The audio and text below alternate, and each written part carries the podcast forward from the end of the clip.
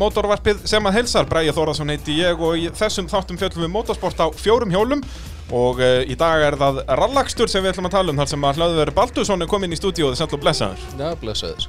Þú náttúrulega keftir rallinu hér í, já svona non-stop þarna í hvað, svona fimm ár cirka, en svo náttúrulega hefur verið í kringum þetta bara, já hvað, frá 97 og til dagsins í dag. Já, já. Og er, er já, með þess að í dag er í stjórn BKR. Akkurat, þú, þú nærði ekkert að slíta það frá þessu. Nei. Nei, kemur ekkert í mála. Já. Og uh, mótorvarpið að sjálfsögðu tekið upp í Nóa Sirius stúdíói podcastaðarinnar í bóði bíla.sins innvila AB varahluta og bíljöfurs. Já, þakka þér. Það hérna, ég þakka þér sem er leiðis uh, fyrir það sem ekki vita, þá er uh, ég hlöðver aðal maðurinn í bíljöfur Já. Og, og, og hversu frábært er þetta, þetta vestæði? Er þetta ekki eina vitið að það er eitthvað vesen á bílum að skottast upp í bíljöfur? Já, já, það er að sjálfsögðu þannig. Gerir náttúrulega alla tegundir bíla og allt, allt það sem er að. Smurþjónusta og allur pakkin? Já, já, alveg sama hvort það sé smurþjónustöð eða uh, vélarupptekning eða sjálfskiptu upptekning eða hvað sem er. Það er svo leiðis, þetta er á smiðuvegi 34, gulgata á smiðuveginum. Já, já. Þannig endilega að kíkja þangað og, og já, þá er komið að spurningu dagsins sem ég hef alltaf haft svona í bóði bíljöfurs og, og spurning dagsins til þín er já, hvað eigi þið fjölskyldan marga Íslandsmeistara til að er alli? E, það hefði verið alveg ágætt að fá þetta svona fyrirfram. Nei, það, málið með spurningu dagsins er að sko, sá sem að færa ná yfirleitt ekki að vita svarið á að þurfa að gíska sko. Sko, e, ég... á- Teljum þetta bara upp Já, ég held að ég eigi uh, fimm titla Ok, uh, dóttir mín einn dóttið þín eitt, þannig að það var komið sex já, og síðan Baldur með uh, þrjá, fjóra. Þannig að hvað, fjórir á Baldur, einn á Jóhönnu og fimm á þig. Þannig að þetta eru tíu í heldina Já, ég held svona, Er það loka svar? nei, ég, Þú gískar á tíu, já, það er rámt ok. Það er uh, 13 titlar Ok. okay. samtals, það er sem sagt, þú átt 6 Það er 2001 er það eindrif, 2002 eindrif og nýlega flokkur, 2004 2000 flokkur og 2010 og 11 eindrifsflokkur. Jóhann á 1 í nýlega flokki 2013 og Baldur á 6. Já, Það er ok, já, 2010 í eindrif með þér og svo 2014 og 15 í non-turbo, 2017 í flokki B og 2019 heildina og flokkur B. já, Það er þessi flokkur B sko sem maður gleymir alltaf. já, já, þetta er sama eins og uh, þegar ég var að taka tvo titla Já, akkurat, þetta er svona Já, En af vísu var þetta náttúrulega eins og hjá mér að þá var ég náttúrulega á uh, nýlega bíl. Já, þú varst að keppa upp fyrir þig. Já, og var að ná í titil fyrir ofa mig líka. Akkurat, og þannig var þetta náttúrulega þarna í mörg ár. Já, já, að, þú veist, eins og ég mann þegar ég var að byrja 2008, að þá alltaf ef maður fekk byggar, fekk maður tvo. Já, já, Þú veist, var, þú veist, ég kefti í 1600 flokki en, en það voru svo fáir í 2000 flokki og þeir bílar bíluðu yfirleitt bara miklu meira þannig að það maður endaði alltaf í, í sæti þar líka, sko. Já, Þannig að, að það er svolítið svoleiðis. Uh, en við ætlum að fara yfir ferilinu þér. Já. og það náttúrulega, þetta er náttúrulega bara í fjölskyldunni. Byrjar þetta ekki allt svolítið þannig? Var ekki pappiðin eitthvað í þessu?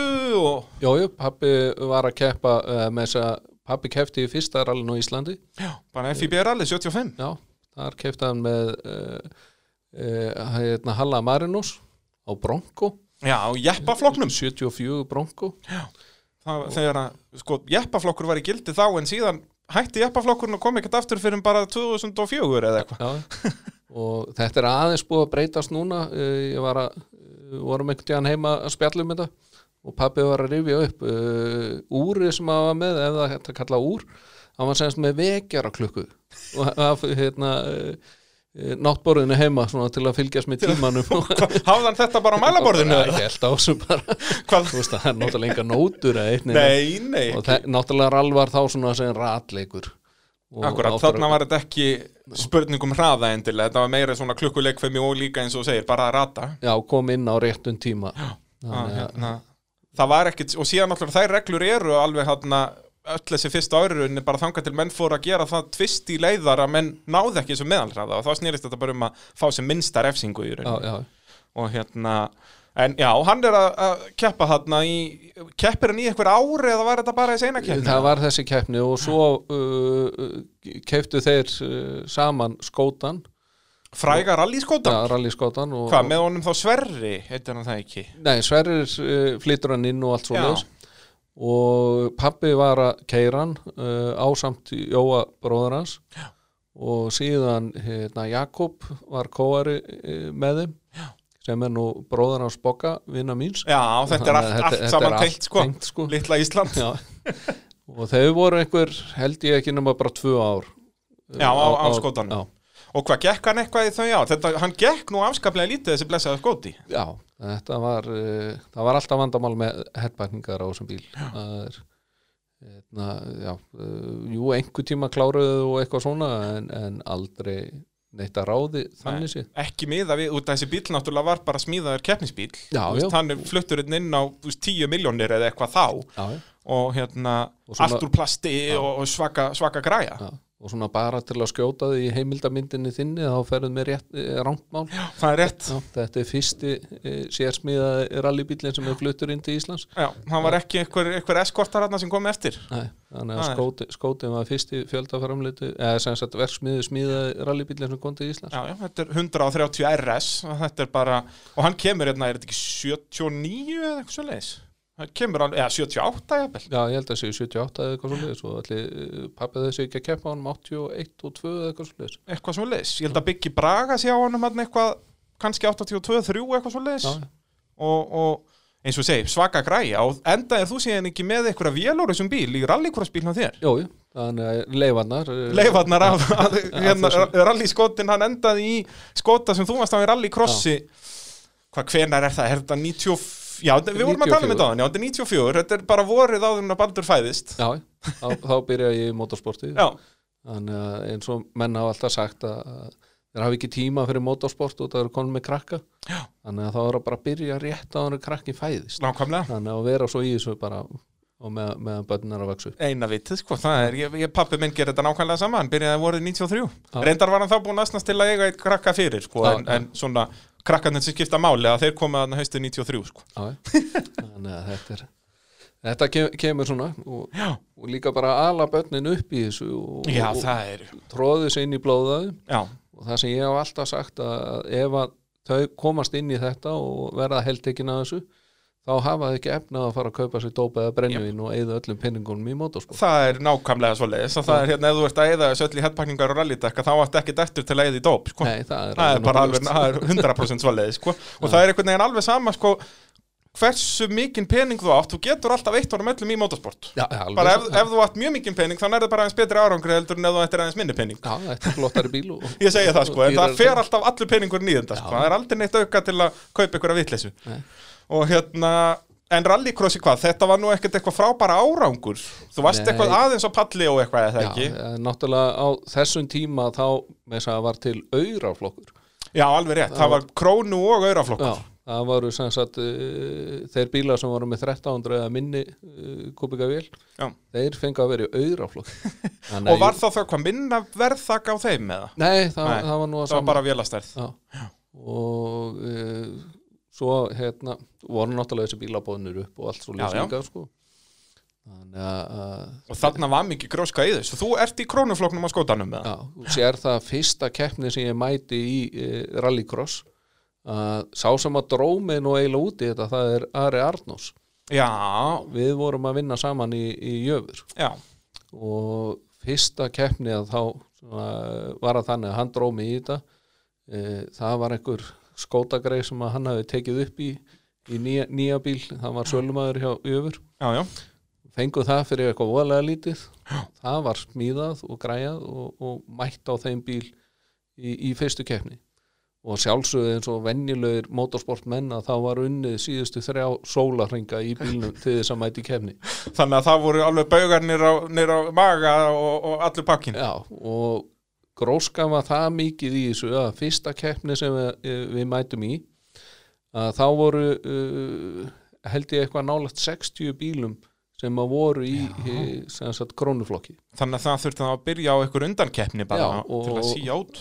40 bestu bílar uh, fengu að fara í keppnina En var þetta þá bara á föstudegi eða? Þessi Nei, undankeppni? þetta var bara morgun sko, tí, bara Já, tí, ok. tímatökur Já, þetta var bara svoleiðis. Þetta var ekki í reis í rauninni. Þetta Nei. var bara 40 bestu tímarnir í tímatökum, þeir fengu að keppa. Já, Þannig að það voru 20 menn sem fóru heim og fengi ekki einu sem að keppa. þannig að þú sér það að vinna í bílnum í, í þrjá sólarhinga mæta þarna og vera með tíma 40 eitthvað, 50 eitthvað og horfa síðan og keppna æðislega gaman Lendið þú í því? Já, eða? sjálfsög Það er verulegu skellur Já, já, að vera þarna En þú næður þá kannski að leggja þig þarna meðan kemnum var í gangi já, já. En vandamáli var náttúrulega það að við ætlum að vera svo sniðu við að, við settum svona trapantang í hann og sjálfsögum var hann náttúrulega ekki treinsaður hann að það var bara bensistíbla og vesen og rið og í og... Nei, spísum, Já, komst þetta aldrei svo langt? Það var blöndungur í þessu. Já, auðvitað, auðvitað. Þetta er skóti. Þetta er, já, já, og líka þetta er árið 94 Já. og, og bílinn var vel, vel gamall þá. Já, já, uh, Já, þannig að þetta gekk uh, misvel þarna. Þú hafði samt gaman að því að hlusta fólk vera ósamála já, já Því að þú hafði bílinn rauðan öðrum megin og hvítan hinum megin. Já, og það hérna þeim fannst þetta rosalega skemmtilegt í þeir sem að voru að taka tíman og svoleiðis. Já, það ekki? Já, Það er rauði skotinn. Já, nei, vegna þess að það er ræst öðrum einn og brautin og flaggað út hinnum Jöp. þannig að það svona var ekkert alveg að sama. Þetta er ekki, þetta er ekki kjörið. Nei, þannig að og við með þess að vorum á tímabili þrýr saman svona uh, í liði. Já, akkurat, og allir á uh, skóta og, og rauður öðrum einn og hvítur hinn einn gullfallet alveg sem sagt ég á einum og Ari á öðrum og, og hérna og Brynjar Já.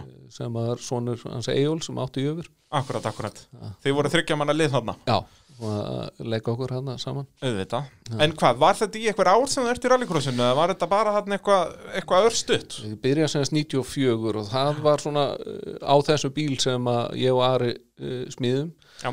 95 þá uh, sem sagt finn ég þennan uh, gamla leifanara gamla rallyskótanum Og hvar, var hann þá bara í einhverju geimslu og bara grotna niður? eða? ég man nú ekki hver það var en uh, það var einhver kalla á, á smíðuveginum með vegstæði þar Já. sem að var búin að smíða sem sagt skóta rabbit uh, rallycross bíl Mhm. eitthvað var hann búin að mæta á honum og, og búin að setja þessa vél í hann og sjálfsögðu farin hettpækning og eitthvað Já, já, að gerist. Já, gerist og ég kaupa hann hann hálfbílaðan og og, og tjaslaði þessu saman og keppa á hann sem sagt 95 Já, og ég var að ná alveg ágætis árangri á þessu þó þetta væri nú ekki nema 1300 bíl að að þá uh, tókst mér nú að ég að vinna einhver hít já, já. ég vann aldrei neina keppni í, í sem sagt krónuflokki en ég vann Svona fullt einn og einn riðil bara. já og fullt af keppnum þannig sé í auraflokki. Já, og þar var náttúrulega helsti keppinutin á Sigjóli þegar hann já. var á starletin Er hann komin á starletin þarna? já, já, já, En þetta var, sest, út af flokkarnir voru alltaf keirðir saman en það voru semst verðlun í auraflokki já, já, líka, já. já.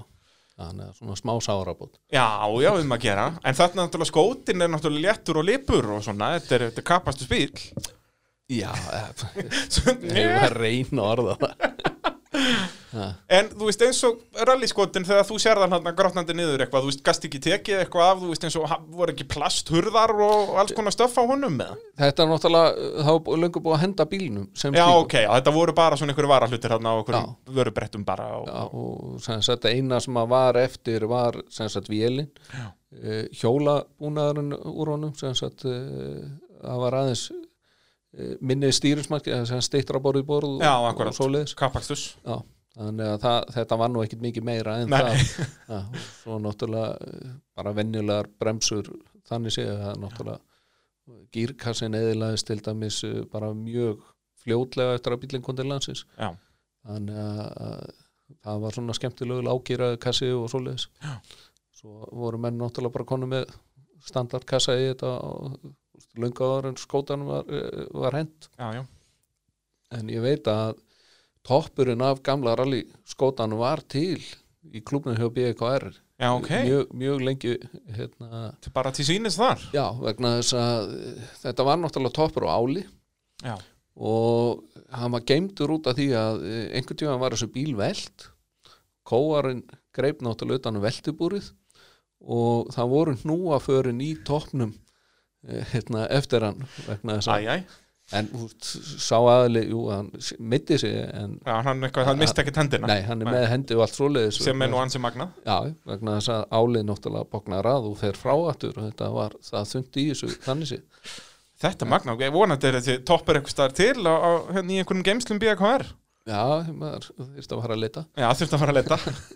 Uh, Svo byrjar í rallinu, er það ekki 97 sem þú ferði inn að keppni með Helga Óskars? Jó, það er rétt. Eh, Það var nú nákvæmlega faðin sem að plataði mig í það. Nú, helvitaðan fæðin Já, þá, þá var maður farin að hanga svolítið eh, hérna, Í bílabjörgun já, og, já, hanga á partasölunni með- hjá kallinum og svoleiðis. Og, og þá náttúrulega var hann byrjaður að keira sjálfur og, já, hann er hann á möstunni mitt, já, Já. eins bíl og, Helgi átti. Já, og Helgi náttúrulega mikið að koma í heimsókn og og svo var hann að vesinast og vantaði kóara og það var slegið til og ég ákvaði að fara með honum eina kefni Já. og ég, Er þetta hvað, eitthvað um mitt sumar hann 97? eða? ég minnir, ég held að þetta að vera haustral Já, ég man að við hérna, keirum Reykjanes og við keirum Geithols Já. og ég man alltaf eftir því rétt ára við fórum á staðinn á Geithols þá sagði við Helga hvort hann var ekki til í að drífa sig. Ég var alveg að pissi mig. Þannig að reyna að vera svona svolítið snöggjum með þessa leið. Gott motivation. Já, en já, við fórum örgulega tölvert lengri leið heldur en allir aðri keppindur Nú, já, vegna sem við fórum svo langt út af. Bættist bara hálfur kílómetru í liðinu já, já, þetta og örgulega með langliðlegasta tíman sko. Já. en, en þetta var alveg magnað að fara með kallinu sko, og, hérna, og mér, mér, en það dæði dag finnst mér alveg merkilegt hvað, hann er duglegur að hamast á stýrinu og petalánum þegar hann er að keira sko. Þetta er bara magnað og, og, hérna, og hann náttúrulega var síðan alltaf eitthvað í kringum ykkur er það ekki, bæði þegar þú ert að keppa með Jómba og svo þegar þú ert að keppa og, já, já, já, já, það er náttúrulega eh, hann hefur alltaf verið að keppa svona aðeins. Já, já, en eh, hann er með gjörsanlega ólæknandi rallydællu já, bara eins og sést. Já, já, já, það er ég held að hann losni aldrei við það Nei, Eh, þannig að hann var mikið að þælast oft í kringum eh, þegar hann var ekki að keppa Já. Eh, hann var nú ekki mikið í kringum mig þegar ég var að- að keira en mjög mikið þegar að, ég var að hjálpa Jónba og Bogga á bæði Subarónum og Evónum akkurat, akkurat sem er hann 2007, 8, 9, 10 Já. og svo leiðis Akkurat. uh, Þannig að þú, já, fær, fær smjörþifun að þessu hann 97 og, og hugsa nú með þér að þetta er nú hansi skemmtilegt. Já, já, það að vísu uh, að Helgi mig að koma með sér næsta ára á eftir en, en ég svona sá ekki fram á. Ég fór í held í eina rallycross-keppni þá sagt, uh, um vorið. 98 eða 7 já, ætla, já, ætlaði ekki verið 98 og þá, þá tæst mér að selja skótan Nú, já, já, Ha, þannig að það var náttúrulega var alltaf uppbóð á bílónum og ég náttúrulega bauð bílinn bara á helmingilega verði skrifaði bara með stóru stöðum Þannig hérna, og hvað var það þarna? Það var bara 80.000 já, kall já, já, þannig að losnaði við hann 80 skall Stórgráða business. Já, og ég held ég að fara mér rétt að, bílinn kom bara í eina keppni eftir það og svo hann er hend Já, það er svo leiðis Þannig að þetta var í alvörunni príðiskoðu business. Já, fyrir mig. Já, já, hérna, ekki fyrir strágreiði sem getur bílinn. Og, og hvernig gerist það svo að þú ferð með Jónba um mitt tímabilandi 98 er það ekki, þú byrjar ekki með honum. Nei, uh, Jón Bjarni er að keppa með honum uh, Har, Haraldi. Haraldi, já. og það var ekkert að ganga neitt æðislega vel. Nei, uh, nótnarlestur ekki almennlegur og ég held að Jónbi hafi uh, svona fókið svolítið í hann þegar þeir keft á Hólmavík. Ég held að þeir hefur keirt áttaleiður og sprengt tíudekk Úst, það, já, það, það var, getur mjög vel verið sko. það var eitthvað svoleiðis. Það, ég held að það verið ekki ein leið sem hefði náða að keira á þess að sprengja. Já, já þetta var líka, þú veist líka, já, ég fessir alveg að þá, þú veist, einhver leiðin koma nút af að báðum afturdekkjónum sprungnum og Já. allt í steik, sko, þannig að þetta, þetta er ekkert ósennilegt. og það er nú einu svona þannig með okkur aukumenn að, að þá, þá kennum við svolítið öðrum Já, um heldur, en, heldur en sjálfum okkur. Það, ef að dekkin springa, þá er það einhver öðru en mér að kenna. Já En hérna, þannig að já, hérna, Haraldur uh, hafði ekki tími í þetta. Já, og ég held að með þess að það hefði verið pappiðin líka sem að plugga okkur saman uh, Já. Já, tróð mér inn í bílinn hjá hann og hann komið, þú hefur verið út að plani hjá honum bara og þú, hann hefur ítt þér út í bílinn. Já, það var, var eitthvað líka sko, hérna, sem, sem að var náttúrulega alveg ótrúlegt. Við förum sama þarna í Rally Reykjavík er, Er það fyrsta rally sem þið fyrir saman? Já, það er fyrsta rally sem við förum saman. Og vinnið það?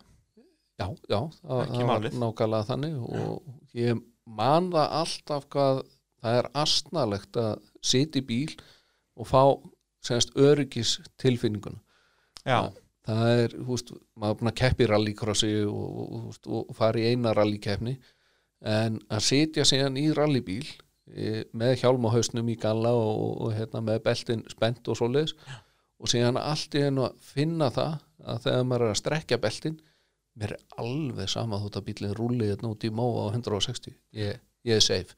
Já, já, Já, það er, það er þetta er einmitt akkurat þetta með beltin, sko, um þú ert búin að strekja því í bílinn, Já.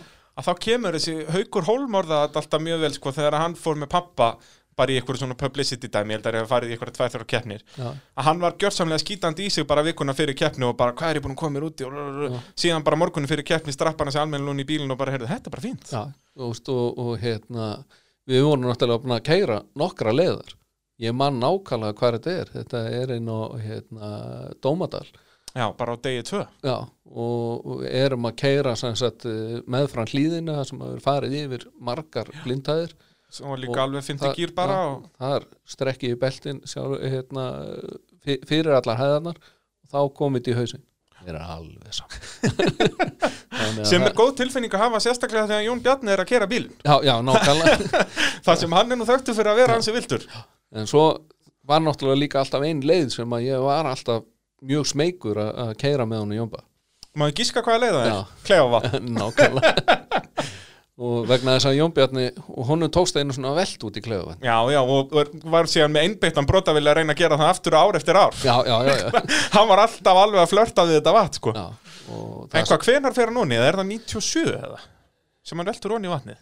96 eða 7 Já, þetta er hann bara á fyrstu árunum hans að keppa. já, þá, þá var hann á uh, held ég framdrifs tvinga Já, svoleiðis. Var hann ekki á lötu eða eitthvað? já, hann var byrjað að keppa á lötu Já, hann er þarna komin að framdrið tvungan. já, og ég Tvungaminn sem að þið eru að 98, þetta er bílinn sem Hjörtur var já, já? Já. nákvæmlega Sem var grætt þá og, og hérna, og hann var að sjálfsögum málaði guðlu að þegar við vorum á honum. sjálfsögðu. Já, þetta er allir bíl, hann Já. skal vera já, nákvæmlega Þetta er bara að segja sér samt. en að svona finnast að við það ég var smeykur með honum sem sagt, allt sísonið og svo var ekki fyrir en uh, í ég komst að ég, var að vera hrættur með honum í vittlösa átt að ég var alltaf hrættur uh, frá Reykjavík Já, og í áttina Grindavík akkurat. en ég var aldrei smeykur í hinn áttina ég einhvern veginn bara tók á þannig að hann velt honum í þess átt Já. en hann var sem sagt að keiri í hináttina þannig ég var, ég var, var, hrættu með honum í vitlega átt Meikað engan sens nei, bara. nei, nei, nákvæmlega, Það nákvæmlega. hérna, en já, þið farið náttúrulega bara þarna hvað, eina, tvær keppni, farið líka saman haustralli 98. Uh, já, við, við sem sagt keppum allar keppnar sem Eftir, voru já, þetta og, Og Jómbi verður meistari. já, en, En- ég verði ekki meistari þar sem að ég var ekki með í fyrstu þremu keppnunum. Það er Gunnar Vikkosson sem verður meistari sem fór þá með Jóa Þíska já, ok. Að hérna, sem átti síðan eftir að keppa á Escort, hérna, Turbo, já, síðar meir. Þannig að þá kemur 99 já, og hvað þá keppiru, hvað, bara fyrstu keppnina þegar Jómbi saman? já við uh, semst ákvaðum það að við ætlum ekki að vera heilt sísón en langaði voðalega mikið til að fara í fyrstu keppnina. Og það var svona uh, Jónbið var að reyna að selja bílinn og, og svoleiðis. Þannig að svona láta hann sjást og reyna að selja hann og svoleiðis. Og líka heimakeppnin hjá honum, Já. IFS-keppnin og... En þarna náttúrulega mátti keppa, þarna var ekki komið reglan, þarna var þetta ekki orðið nýlega flokkur. Þarna var þetta bara sa- þannig að þú máttir keppa eða ekki. Já, samt keftu við í e, Eindrifs bara. eindrifsflokki Ok, en máttu þið keppa í Nordex-flokki? Eða var, var reglan þannig að ef þú varst búin að vera meistari máttu ekki keppa Nei, ég held, held að það hefði verið ennþá þannig að, að þú máttu bara vera eitt ár sem, aukumæður ef, þú varst meistari Já, já, svo regla var komin hann Já, hún var komin, já. sko, svo var hann ánuminn setna mér Já, þegar þetta verður bara 1600 flokkur Já, En, en það semst síðan átti eftir, eftir að breytast úr Nordex yfir í nýlega flokk og síðan yfir í 1600 flokk. Já, já, En hérna, já, þannig er ein, ein, einmitt svo regla. Þannig að þið þurftu að vera hann í eindrisflokk þessa einu keppni 99 já, Og svo, þannig um haustið ferðu þín á fyrstu keppni sem ökumæður já þá fæ ég lána bílinn hjá honum Jón Bjarna Já. Eh, Hann ætlaði nú að fara með mér sem kóari. Og hvernig gekk það? eh, Hann eh, dróð sér tilbaka tveimur eða þreimur dögum fyrir keppni Hvað, bara þorðis ekki eða, vildi þetta ekki? Já, hvort hann hafði ekki tíma þorði ekki eða eitthvað svo en, en ég veit að Jón Bjarni er rosalega góður og hraður aukumæður en hann er ríkalega bílhrættur Við vorum að tala um þetta enda fyrir þátt og þetta er alveg mjög algengt, sko, með þess að topp ökumenn að þeir myndi aldrei nokkuð tíma að þóra að vera aðstóra ökumenn Nei, nei, þetta er Nei, nei, það er eins og þau sínt sig hann ætlaði líka að fara með mér í aðra kefni Já, sem, já. sem að gerist ekki. Og bakkaði út úr þessu aftur sko. það er hérna ég, ég græti einu sinni á þessu og þá ætlaði Átni Jóns að fara með honum Baldri að Sorski á Jeppa Já, í bara vorrall eða eitthvað og, og hætti síðan bara tveimur dögum fyrir keppnið eitthvað þorður þessi ekki fór að ringi í alla Já. ringir í pappa og, hann, jú, heyrðu, ég er nú með eitt strák hérna sem geti, vill öruglega að fara hann er á þessu. En hérna, Það varð úr að ég fekk hana frængu mína, hana Magni, að fara með mér í, í þetta rall. Alveg rétt. Og uh, ég man það að held að fyrsta leið hafi verið djúpa sjálfsögðu náttúrulega. Haustral maður- út af og sprengdi og stoppa og skipti um dekk þannig að maður var hann lengst fyrir aftan. Svo eh, ég held að leið nummer tvö hafi bara einfallega verið stabin já, það getur verið. Já, og það gekk alveg glimrandi vel. Eh, hún var að lesa flott og ég að keira ógeislega hrætt allan að það sem mér fannst. En ég allan að það hrætt að mér tókst ekki að taka uh, þarna næst síðustu begin á, á, á hérna stafanum er það litla vinst, já, ég man eftir þessu krassi. Litla vinstri begin svo og kemur og, síðan tekur kemur hægri vingilbeðan já, og þú Já. fer niður í lúpinunnar og steinarna þar. Já, er, já, mér fannst þetta bara að vera lúpinur já, en það var eitthvað aðeins undir lúpinunum já, ég var búin að gýra niður og búin að finna veginn og, og búin að standa og góða með stefnu á veginn en það var bara rísa stór steinn. Alveg rétt. Þannig að ég dundraði á hann og, og bílinn náttúrulega varð óeikuð hefur. Já, hann var rústaður honum alveg hann bara Já, hann skemmtist alveg tölvöld mikið. Já. þannig að svo var hann náttúrulega bara dregin heim og, og hérna ég var mikið að spája kaupan en svona það hafði, hafði ekki budget í það þá úr var það að eh, hemmi kaupi bíl alveg rétt, já, og fer mjög vel með hann hann árið eftir. E, Já, svona klappa hann þokkalega vel á, á, á, í Hólmavík eða ekki, já, Og hérna, hvað, er þetta ekki að bölunum sem hann fer? Já, en, Stu- náttúrulega kjör aðstæðu fyrir tvingam að keira niður langa brekku. Já, já, og loksins kemur einhver pínu hraði. Og þá getur þú að fara ennþá Já, af. og svo náttúrulega með einu þokkala góðu djömpi menn hafa nú séð uh, myndina til dæmis að Baldri Jóns. Hann er að svífa þarna þokkalega döglega Jep, og þú getur rétt að ímynda þér út á tvingam síðan og með ekkert æðislega fjöðrun. Jep. Hann skoppaði bara beint út af veginu Hann lendi kannski á fyrsta lendingin á veginum en önnur lendingin var það svo sannlega ekki. Já, það var svona í kantinum og síðan út af og, og tók þarna En þá í þessu haustrali 99 þá, nei, jú, 99 að þá hefur nú tvinkam lagar Íslands hann minkað umtalsvert. Já, það er eins og ég hef margóft sagt að það var kannski eins gott að, að ég datt út þarna á á stafanum hérna vegna þess að næsta leið og eftir var Reykjanes. Og bæði eh, Daniel Sigursson og Haldur Björnsson voru á undan mér í rásuð ég hef eh, margótt sagt að ég eh, vissum það að ég hef verið þriði bílinn aftan á grassið sem að var þarna vegna þess að við vorum allir það blöytir á bakvið eirun og að þetta var bara svona smá hæð og standa yfir það og svo, Já, já. svo var einu bara svo, einhver svo, svo einhver hægri beigja þannig að ég er alveg vissum að ég hef farið Sö- nákvæmlega bara sömu leið og, Já, og ég- Dóri var, Jú, Dóri klessir á Danna Já, ekki, já, Danni já. er fyrstur út af og svo kemur Dóri og Já. það er svona flestir sem er að hlusta gerir á fyrir að vita hvað krass þetta er þetta er þarna já, svona eitt frægasta rallykrass á Íslandi byggin á þessu náttúrulega var á hæðinni nákvæmlega. Og, og Haldur kemur fljúandi yfir hæðina bombar aftan á bílinn, það harkalega sko að tvinga minn veltur hjá Danna bara við að fá bíl aftan á sig. Og Daniel var hálfur inn í bílnum að sækja eitthvað dót inn í bílnum. Sækja hjálma eða skila hjálmi eða eitthvað og, og er bara hálsbreytt frá því að Já. fá bílinn yfir sig sko. Það er bara eins og eitthvað atriður dæhjart Já, bara hverfur allt í, í reik Daniel var ennþá hálfur inn í bíla eða ekki. Yep. hvort hann komst frá eða ekki en sem betur fyrir komst hann frá. Já. en ég veit að hann fekk tauga áfall hérna Já, já. Hérna. Skiljanlega. Skiljanlega. Það er bara hálsbreytt frá dauða hann já, það er hérna, þetta var svakalegt. Og þú ert vissum að þú hefði verið hann þriði í rauðin að bomba aftan á þetta allt saman. al, alveg fyrst það sko. það hefur ekki verið spurt. Þetta er, þetta er dásamlegt. Hérna eftir örstutlega, þá skulum við fara yfir já, ég halda áfram að fara yfir ferilinn. Við erum komið til ásins 2000 já, Þið eru að hlusta á mótorvarpið hér á Sport FM 102.5 Allt saman í Nóa Sirius stúdíói podcastöðurinn er í bóði bílapuntsins, innvjala og bíljöfurs og að sjálfsögðu AB varahluta og eh, já, það er AB varahlutir sem að eh, Ég vil endilega að börni ferðist örugu núna um jólin og því er 20% afsláttur af Britax bílstólum til 5. desember og meðlumir í stopni hjá sjófa fá 25% afslátt. Þannig endilega skella sér í AB varahluti. Það er opið frá 8 til 18 á virkumdugum og 10 til 14 á laugardugum. En uh, já, AB vilja, vilja spyrja þig uh, hlöðver, Já, hvað er hápuntur og lágpuntur ferilsins? Ef við byrjum á hápuntinum. sko, sko það sem að uh, ég ætla að sé náttúrulega ekki uh, að verða fyrst mestari Þegar við verðum mestari þarna 2001 í 2001 já. Já. Uh, á þínu fyrsta heila tímabili sem aukumæður. já. og uh, það sem að mér fannst líka vera rosalega merkilegt að þegar að krakki minn tókst loksins að vera uh, hérna, Íslandsmeistari uh, það, það snerti mann mikið að, að, og sá að maður var þá eitthvað að kenna áfram Já, í hvaða skipti sem Íslandsmeistar? Já, um fyrsta, var, fyrsta skipti sko. já, bara það, þegar þið færið saman eða þegar hann er í non-turbo eða yfir heldina? já, þegar, Nei, þegar hann verður Íslandsmeistari í, í non-turbo Já, hann 2014 Já, en það ekki fyrst, svo aftur 15 Já. Að Það eru svona hápuntarnir Já, það og, hérna, en lágpuntar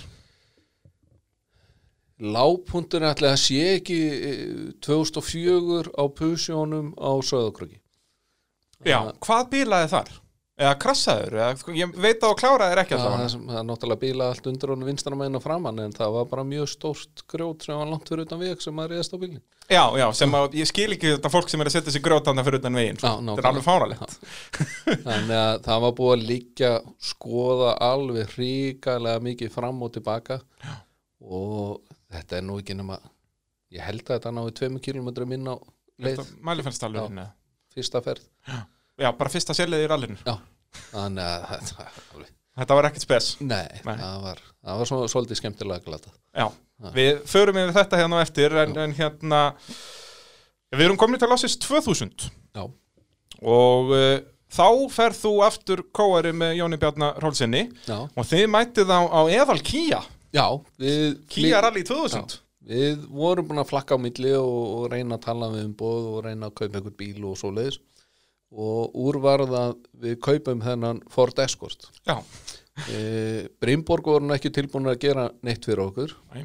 en e, vorum búin að vera að tala sem sagt við Kia og þeir voru tilbúin að gera.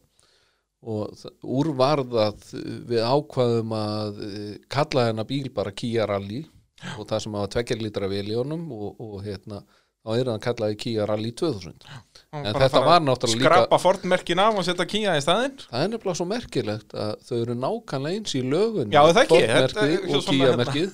Þannig að Ford-merkið var bara tekið og Kia-merkið sett í staðin það passaði bara Það þurfti ekkert eitthvað að treppa í kringum þetta Nei, nei, nei, Þetta nei, smell passaði passaði og hérna og það sem var líka skemmtilegt við þetta þetta var árið 2000 þannig að það voru margir sem að horfa á bílinn og er þetta nýr bíl frá Já, og hérna þannig og, og það sem að mér fannst líka svona eitt að ég finnast að í fyrsta rallinu sem að e, við mætum á þessum bíl þá er hérna Gunni Viggós og, og hérna Jói á nákvæmlega þess bíl já. sem að var náttúrulega hvítur hérna á Ford. Já, var hann segt ekki gulur þá líka? Var hann ekki gulur og blár hann á fyrsta árið? uh, va, Eða var það þegar Jói var já, þeir, Já, þegar Jói var, og Gunnar Jú, jú, ég, held að hann sé í, var, var hann gulur og blár Já, ég held að hann verður ekki hvítur fyrir Já. 2001 Já. það var þannig allavega að vissi að þeir fluttu inn gulan bíl málegan hvítan við fluttum inn hvítan bíl og málegan að gula Auðvitað En hvernig, þetta var ekkit eitthvað Þið fluttuðu ekkit inn saman Nei, nei, nei, Þetta var bara já. að komið tveir svona Cosfordar hérna. Já, og svo þegar við fórum að skoða þá var þetta bara nákvæmlega eins bílar og, og, og hérna sama eh, lið sem að hefur smíðað og allt Já, svoleiðis. þetta var bara alveg nákvæmlega þannig En það náðu þeir mjög svipuðum árangri. Já, já, nákvæmlega. Þa, Það bara, þessi bílar virkuðu bara ekki í íslensku ralli. Nei, þetta, og það sem að merkilegt við þetta er að e, ég og Jón Bjarni vorum alltaf að brjóta fjöðrun Já, e, Jói og hérna Gunni þeir voru alltaf að brjóta allt nema fjöðrun Já það er svoleiðis þannig að þetta var svona, svona svolítið kostulegt að, hérna, hvern, hvernig þetta var En þetta var nefnilega alveg agalegt út að þetta eru hraðir og góði bílar en, Já. en bara, já, voru alltaf bílandi og, og þú veist, ég man eins og þegar Gunnar Viggo er að keppa þarna 2001 og árin eftir að bara það mátti ekki vera rigning og hann byrjaði að frétta og, og Já. svo allt þetta fjörunavesen og bara líka bara mismunandi hlutir þetta var ekkit eitthvað svona, eitt hlutur alltaf að bíla lögum hann þá bara, hann hættir hann að bíla Já, já. hann bílaði bara næsti hlutur það, það, það var svolítið mikið svoleiðis en það, þetta var eina sem að bíla og hvað þá, bara dempar hann að sjálfa það var þetta Já. spinnur og drast Já, líka. bara temperatni sjálfur og hérna mann líka mjög vel þegar við vorum nýkonum í bílinn heim og fórum út að pröfa og fannst þetta alveg geggja tæki. Já, og þetta virkaði alveg bara þvílíkt. Og síðan hérna fréttu við náttúrulega að þeir voru konu með eins bíl. Já, og, og fórum í heimsók til og vorum að skoða og svona spá og spöglera og komum staðið þetta að vera nákvæmlega eins bílar. Og svo rakki augun í það að, að, að það var eitthvað fyrir fram að túrbínuna í bílinu á þeim sem að var ekkert eins og í okkur sem að við fórum þá spöglir í. Þá var þetta náttúrulega þrengingin. Já, og þá voru við búin að vera að pröfa bílinn sem sagt þrengingalausan og hann virkaði mjög já, vel. það er skemmtilegt. Svo, svo náttúrulega fyrir við að skoða það sjálfsög náttúrulega fylgdi þrenging með bílnum og, og hún var bara ekki í honum. Hún var bara í kassa. Og þetta, eins og Jón Bjarni hefur oft sagt að þetta eru stæðstu mistök sem hann hefur gert. Já, hann var búin að keira bílinn, þokkalega sáttu við hann setti þrengingun í hann að stela öllum hestunum úr hútinu og ekkert gaman lengur. Nei, nei, ekkert gaman Nei, en bara- úst, samt alveg nógu kraftmikið til þess að þetta alltaf út. fólk hefur hafa margir lent í þessu sko að prófa eitthvað svaka, ég held að Maggi bróðir eitthvað tíma næstans til að prófa möstuna hjá pappa í þú fáið skipt sem hún verið í, í þú veist, tvær mínútur í þinna hverfinu já, og kefti síðan heilt tímabili kórólu, það var ekkert sérstaklega gaman. Nei, nákvæmlega. Þannig að, að það, þetta hefur, já, stór mistök að setja þrengingun í hann Já, það hefur náttúrulega já, við hefum bara dottið mikið mikið fyrir út. Já, já, og farið ennþá út af Já, og bara allt í toppmálum Við vorum að vísa ekki að fara mikið út af á, á þessum eskort er þetta, Já, þetta e, það var náttúrulega töluvert mikið barátta í íslensku rally Já, þannig að þetta er bara hápunkturinn hann og við nýlegar á fjórhaldri spíl. Og Jómbi náttúrulega samt alveg orðin stjarnan, þú veist, það var búin að sína mikinn hraða í Nordekfloknum já, já, og ræstir hvað, 7, 8, 9 þannig að það var alveg búið að mókin á veginn. Já, og þetta var nú oftast næður bara svoleiðis grjót sem að var á veginu sem að fjöðrinu var ekki að þóla Já. og þetta, þetta voru alveg fjöll sem að voru ofta á Já, veginu sem að já, var verið að kera og- úst, einhverju 6, 7, 300 stalpa turbóbílar hann sem að, ég, margi hverjir alveg snældu vittlisir út í öllum kontum já, já, en þú veist, eins og ég sá bara við að horfa tímana hjá okkur, ég meina þið voruð alltaf þegar allt gekk, að þá voruð þið yfirleitt sko nær þú veist, eins og eftir fyrsta dag í AFS-rallinu fyrstu keppni, að þá eru þið nær Jópal, heldur en Jópal er rúnari, já, já, já, þú veist, þið voruð alltaf svona, þið gátu, hefðu ekki alveg róðið í þá, en samt, já, já það mátti ekkert mikið gerast hjá þeim og þið voru komin fram úr. Já, ef, að, ef það hefði verið ágættis fjöðrun í þessum bíl sem að hefði þólað Mhm. Já, að keira já, rauninni, verið sterk. Og, og hérna þá þá hefði nú sennilega náð einhverjum árangri. Já. við mætum á þessum bíl í, í alla keppni nema Rally Reykjavík. Við horfðum náttúrulega á það til hversu í óskopunum að mæta í þryggjadaga rall þegar við höfum ekki klára eitt einasta rall. Að tökum það bara sem pásu og unnum bara meira á íslensku um fjöðruna eitthvað aðeins til og svo leiðis og þetta var það eina rallið sem okkur tókst að klára. Var það þá hvað, haustrallið? haustarallið Já, og, hefur búið að styrkja þetta eitthvað til og gera já, græja en samt kláruðum með Kingbóin bara Nú, já, það er var bói það var breytingin að ég náði að láta þetta bara bókna en ekki brotna. Já, nákvæmlega.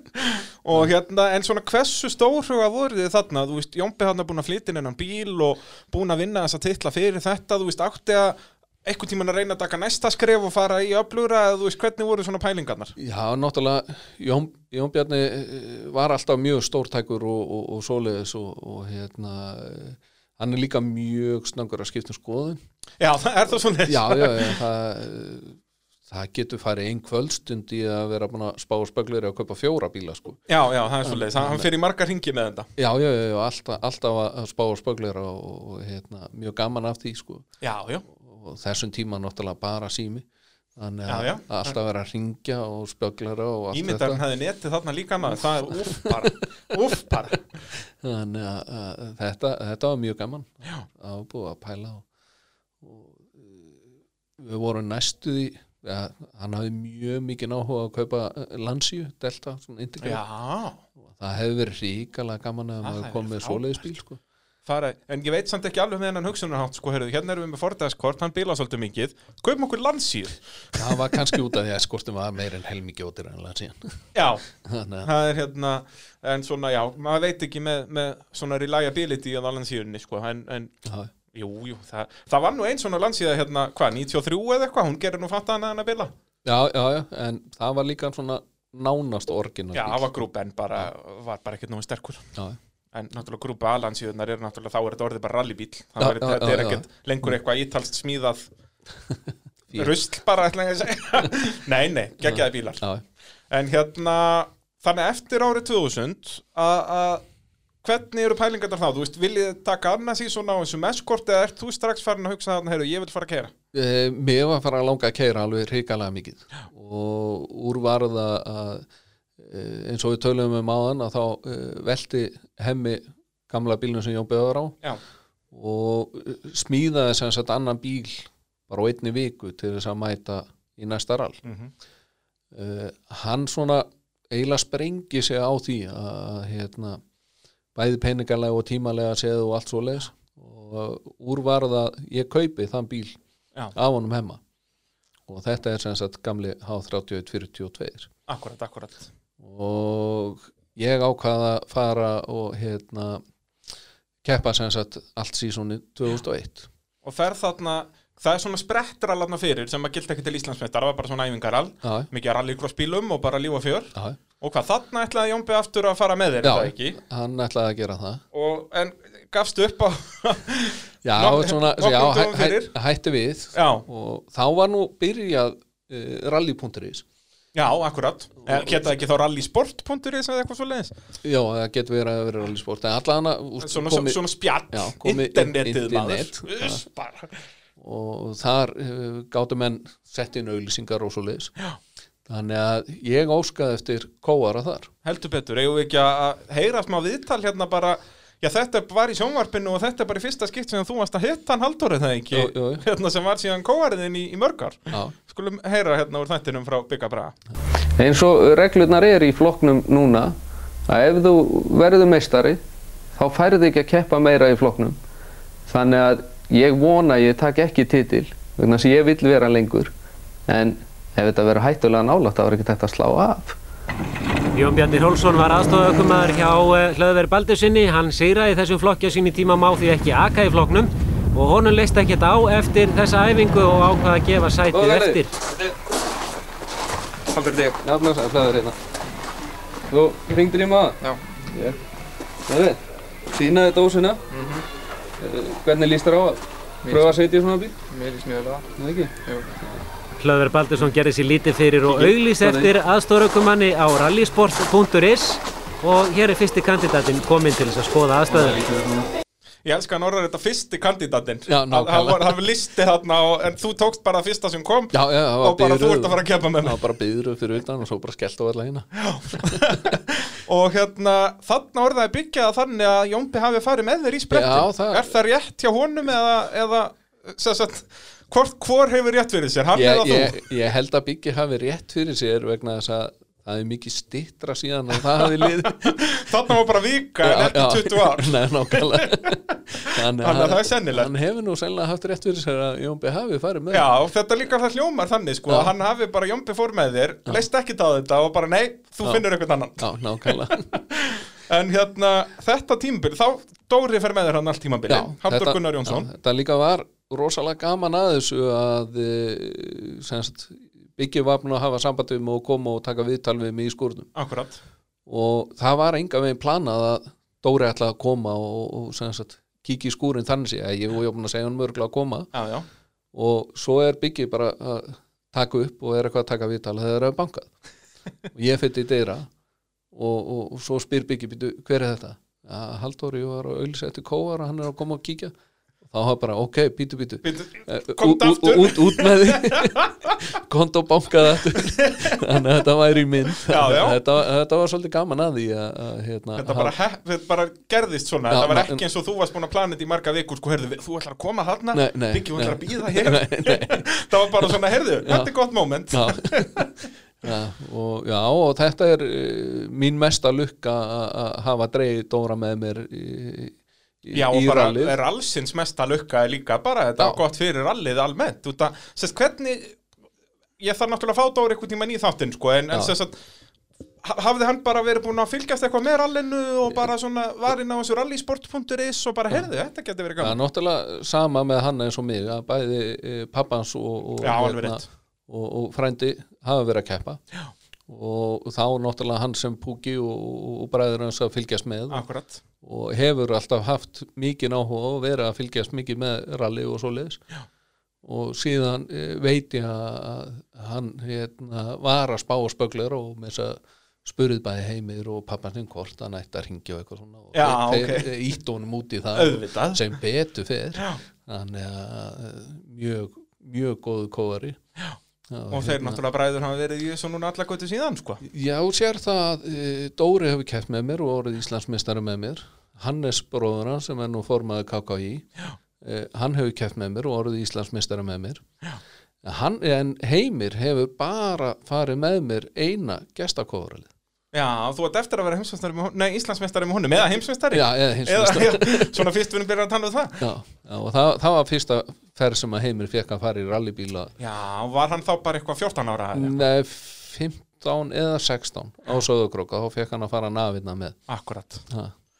Og hérna, já, þið Dóri keppið þarna allt tímubili Hvernig var svona fyrsta keppnum? Var hann alveg með þetta bara?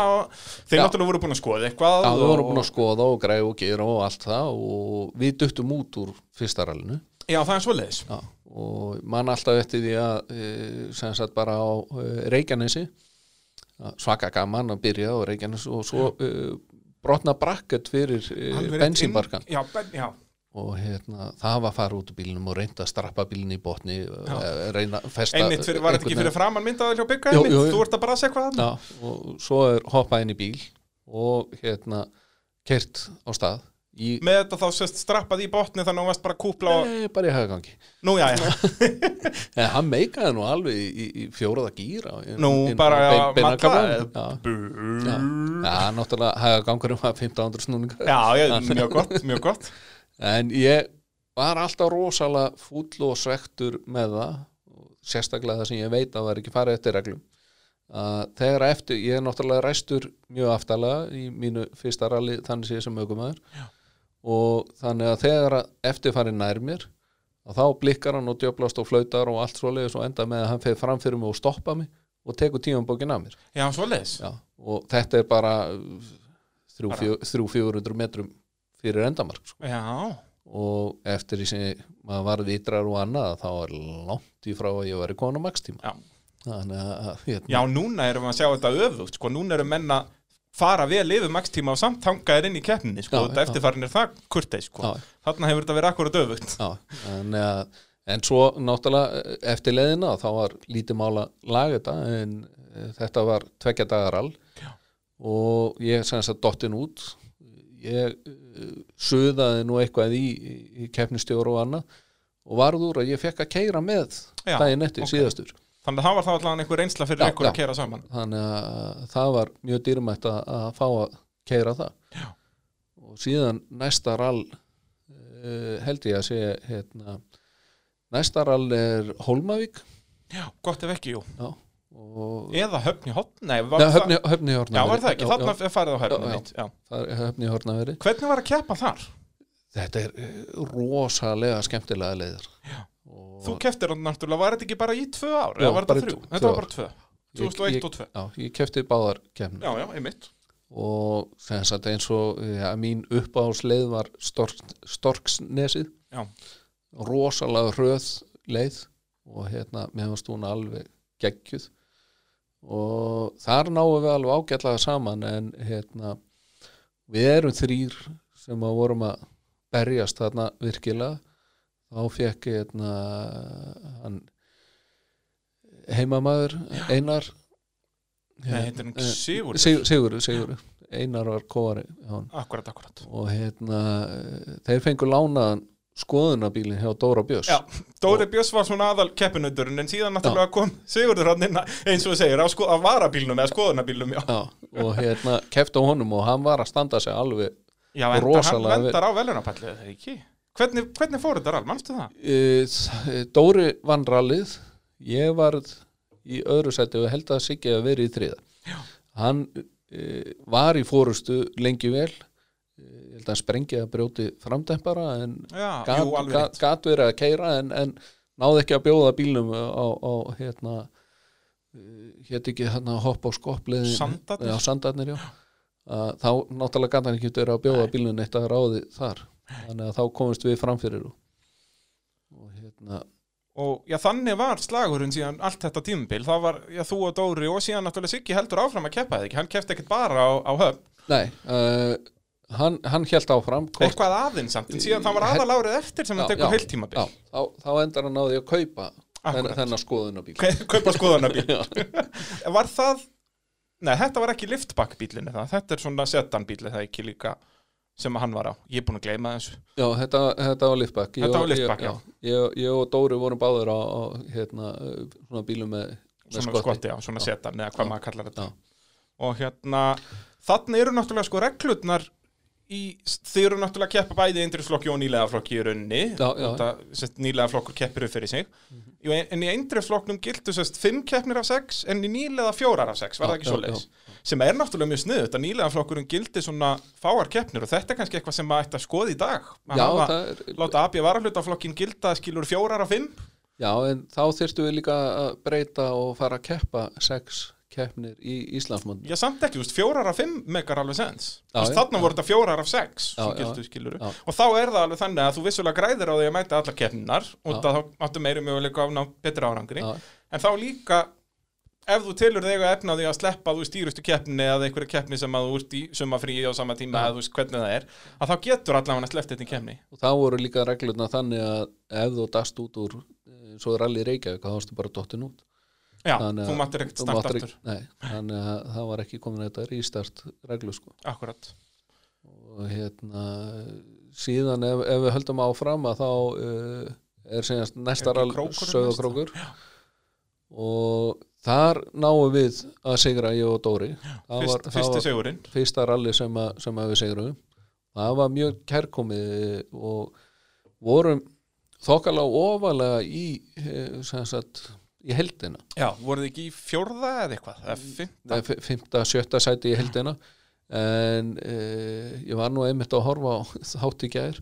Já, var ekki byggið að byrja að setja þetta á Facebook Já, líka og eitthvað, þetta er frábært. Já, og þá sagt var það akkurat þannig að, tveim, einum eða tveimur dögum fyrir all þá fór vélinn í bílinu hjá Dóra og þeir voru að skipta vél bara nóttina fyrir all Já, og uh, hann mætir frekar illa stemdi til leiks og, og var ekki að ná neinu rithma um morgun. Já. þannig að hann var alveg fjórum, fimm sætum fyrir neðan.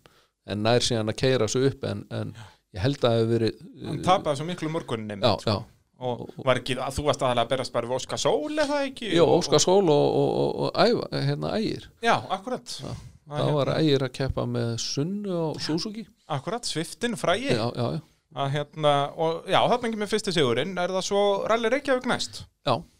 Hvernig gekk þar? Var það, kom sigur nummer tvö? Manstu já, það? já, ég, Ég held það Jú, ég held að ég hef unni rally Það hlýtur að var- vera, miða við að enda þér í slagum Íslandsmeistaratitil en dast samt út af fyrstu kemni Dóri uh, datt út úr því rally Var það rally sem hann er dæmdur út fyrir að ekki fá stimpil já, í, í leiðabók? Missa tímaðastuð Akkurat, já. Ha. Það var það þannig að þú þurftir að fá stimpil, var það ekki bara SO í hafnafyrir sem þú þurftir að fá það- stimpil það í var tímabók? kert, kert djúpavatnið þarna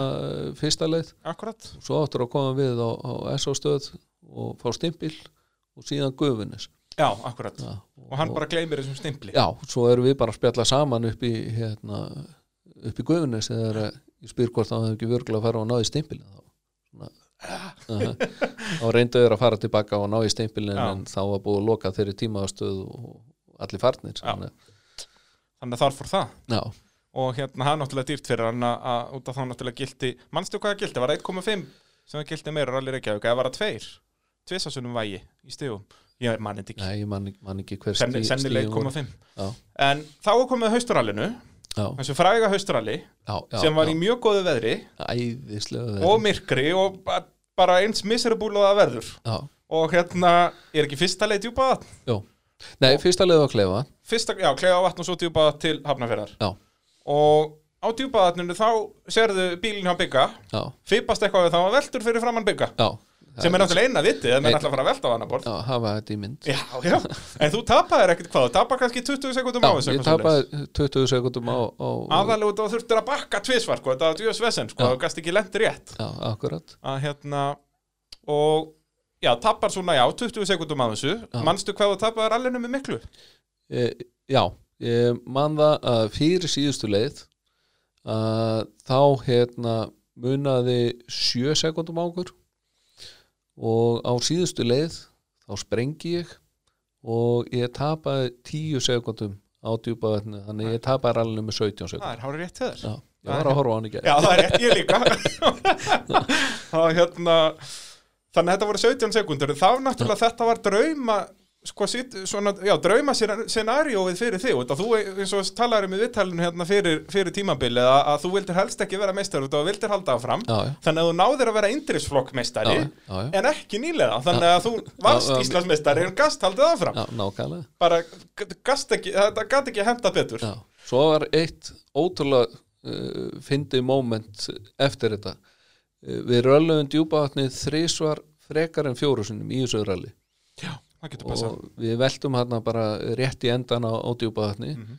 og svo í miður rallið þá uppgötta Dóri að hann týndi síman hann var með hann sem sagt í, í hólfi á hjálmabóksinu aftur í. Og það brotnuðu sem sagt alla rúðurnar aftur í. Já, já, En- og bílinn náttúrulega, þau gerðu það annað liftback þarna í þess eina kemni en það var náttúrulega grenjandi rigning og háaðarók en það sem var góða við að það er eh, framrúðan og báða hliðarúðurna það sluppu. Já. Eh, það brotnuðu öll ljós á bílnum nema það- sem var mjög gott þegar maður er að keira í myrkri það hérna hafði ekki verið neitt spes að vera með orginal tvinkamljósin hann í myrkrun nei, nei. Ah, og hérna. hérna svo eftir rallið að þá er, erum við að spá í þessu veist, með síman GSM Og- síminn já, maður, GSM síman, nýbúin að kaupa 3210 sko, eitthvað neðal Nokia Já, síma. og þannig að úr var það eh, eins og við hugsaum, það getur ekki annað að hann er týnst nefn í veldinu mm. Þannig að við fórum upp á djúpavatn eftir rallið og í beginna sem við veltum og vorum þar að, róta og það náttúrulega voru 20 og eitthvað bílar í þessu ralli Já, já, og, bú, og þetta var á fyrstu ferð á djúpavatni búið að keira fjóru sinni djúpavatni. Jöp rótum hann til og þar byrjar hann að finna batterið. Það, það var náttúrulega einu stað. Já, já, búið búið að Og- splundrast já, vel. Já, og, og hérna, finnur svo síman og þessu var bara blásið aðeins úr og stungi í samband og kveikt á síman og hann virkaði lengi vel og Þa, það, Þetta lítur að vera Nokia síma, það getur ekki að verið sko. 3210 eða Já, eitthvað já, líka, bara þessi, þessi klassík sko, að, hérna, að, að, það er eins og segir, setur bara batterið í og, og virkaði mörg ára eftir. Já, já, getur ekki nákvæmlega. Heyrðu, við skulum þá fara yfir árið 2002 hér eftir örstutlið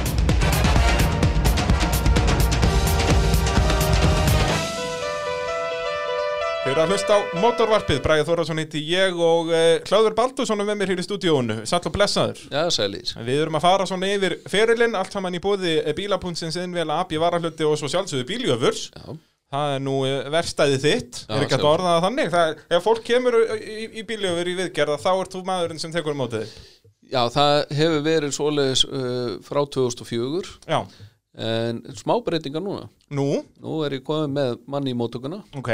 Og ég er komið fram á gólfa og farin að reyna að skrúa Þú ert farin að skrúa, farin að finna gamla skiptirikla og gera Já, og græja. já. Uss bara.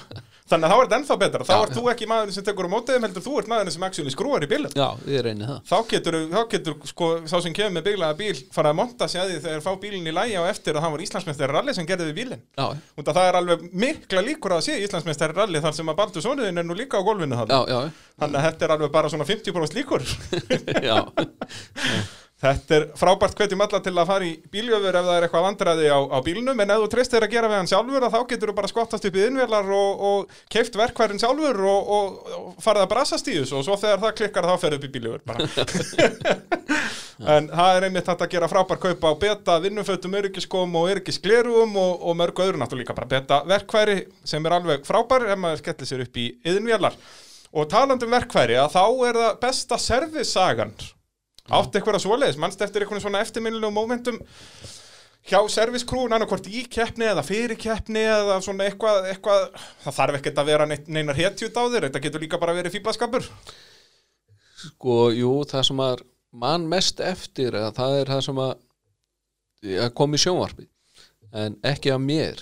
Ok. að, að koma Daniel Sigursin Já, þe- þegar þið eruð að keppa. Já, þegar við erum að keppa hann á móti hvort öðrum Hvað, þetta er Rally Reykjavík 2003 er það ekki, ef þetta er augnabliki sem ég er að hugsa? Já, þá er þess að Danni að uh, hafa uh, broti gírkassi eða eitthvað svoleiðis. Og Danni er í viðtali og fullt af mönnum að reyna að skrúa eitthvað svoleiðis og í miðju viðtali að, þá snýra sig við og garga 21 Já, og þá, þá var maður sem- heyrir líka bara sleggju hljóðin í bakgrunn og þetta er bara, þetta er besta sjóðasviðtali efer sko. Já, þá, þá sem sagt var einhver að vesinast og, og, og Danni við náttúrulega vissi nákvæmlega hvaða topp áttu að nota Auðvitað. og sem sagt að reyna að koma því til skila hvað áttu að nota Og þarna skiptaðir um girkassa og var þetta ekki 90 mínútur?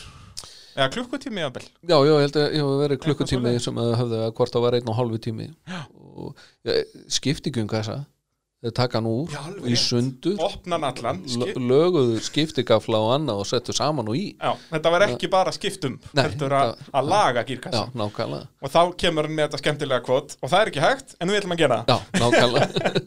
Þannig að þetta er góð saga. Já. Ég ég er ánægð með þetta. Þú talar ekki um einhverju hetjutaður hjá þér og þínum heldur bara það sem þér fannst á já, og þetta er svo sannarlega, ég, ég er mjög svo samanlegaðir þarna að þetta var frábært moment og einmitt sérstaklega það að Biggi kemur að böggan og Danni náttúrulega er svona já allt, allt að ski já, já, veit ekki alveg hvernig að hafa sér.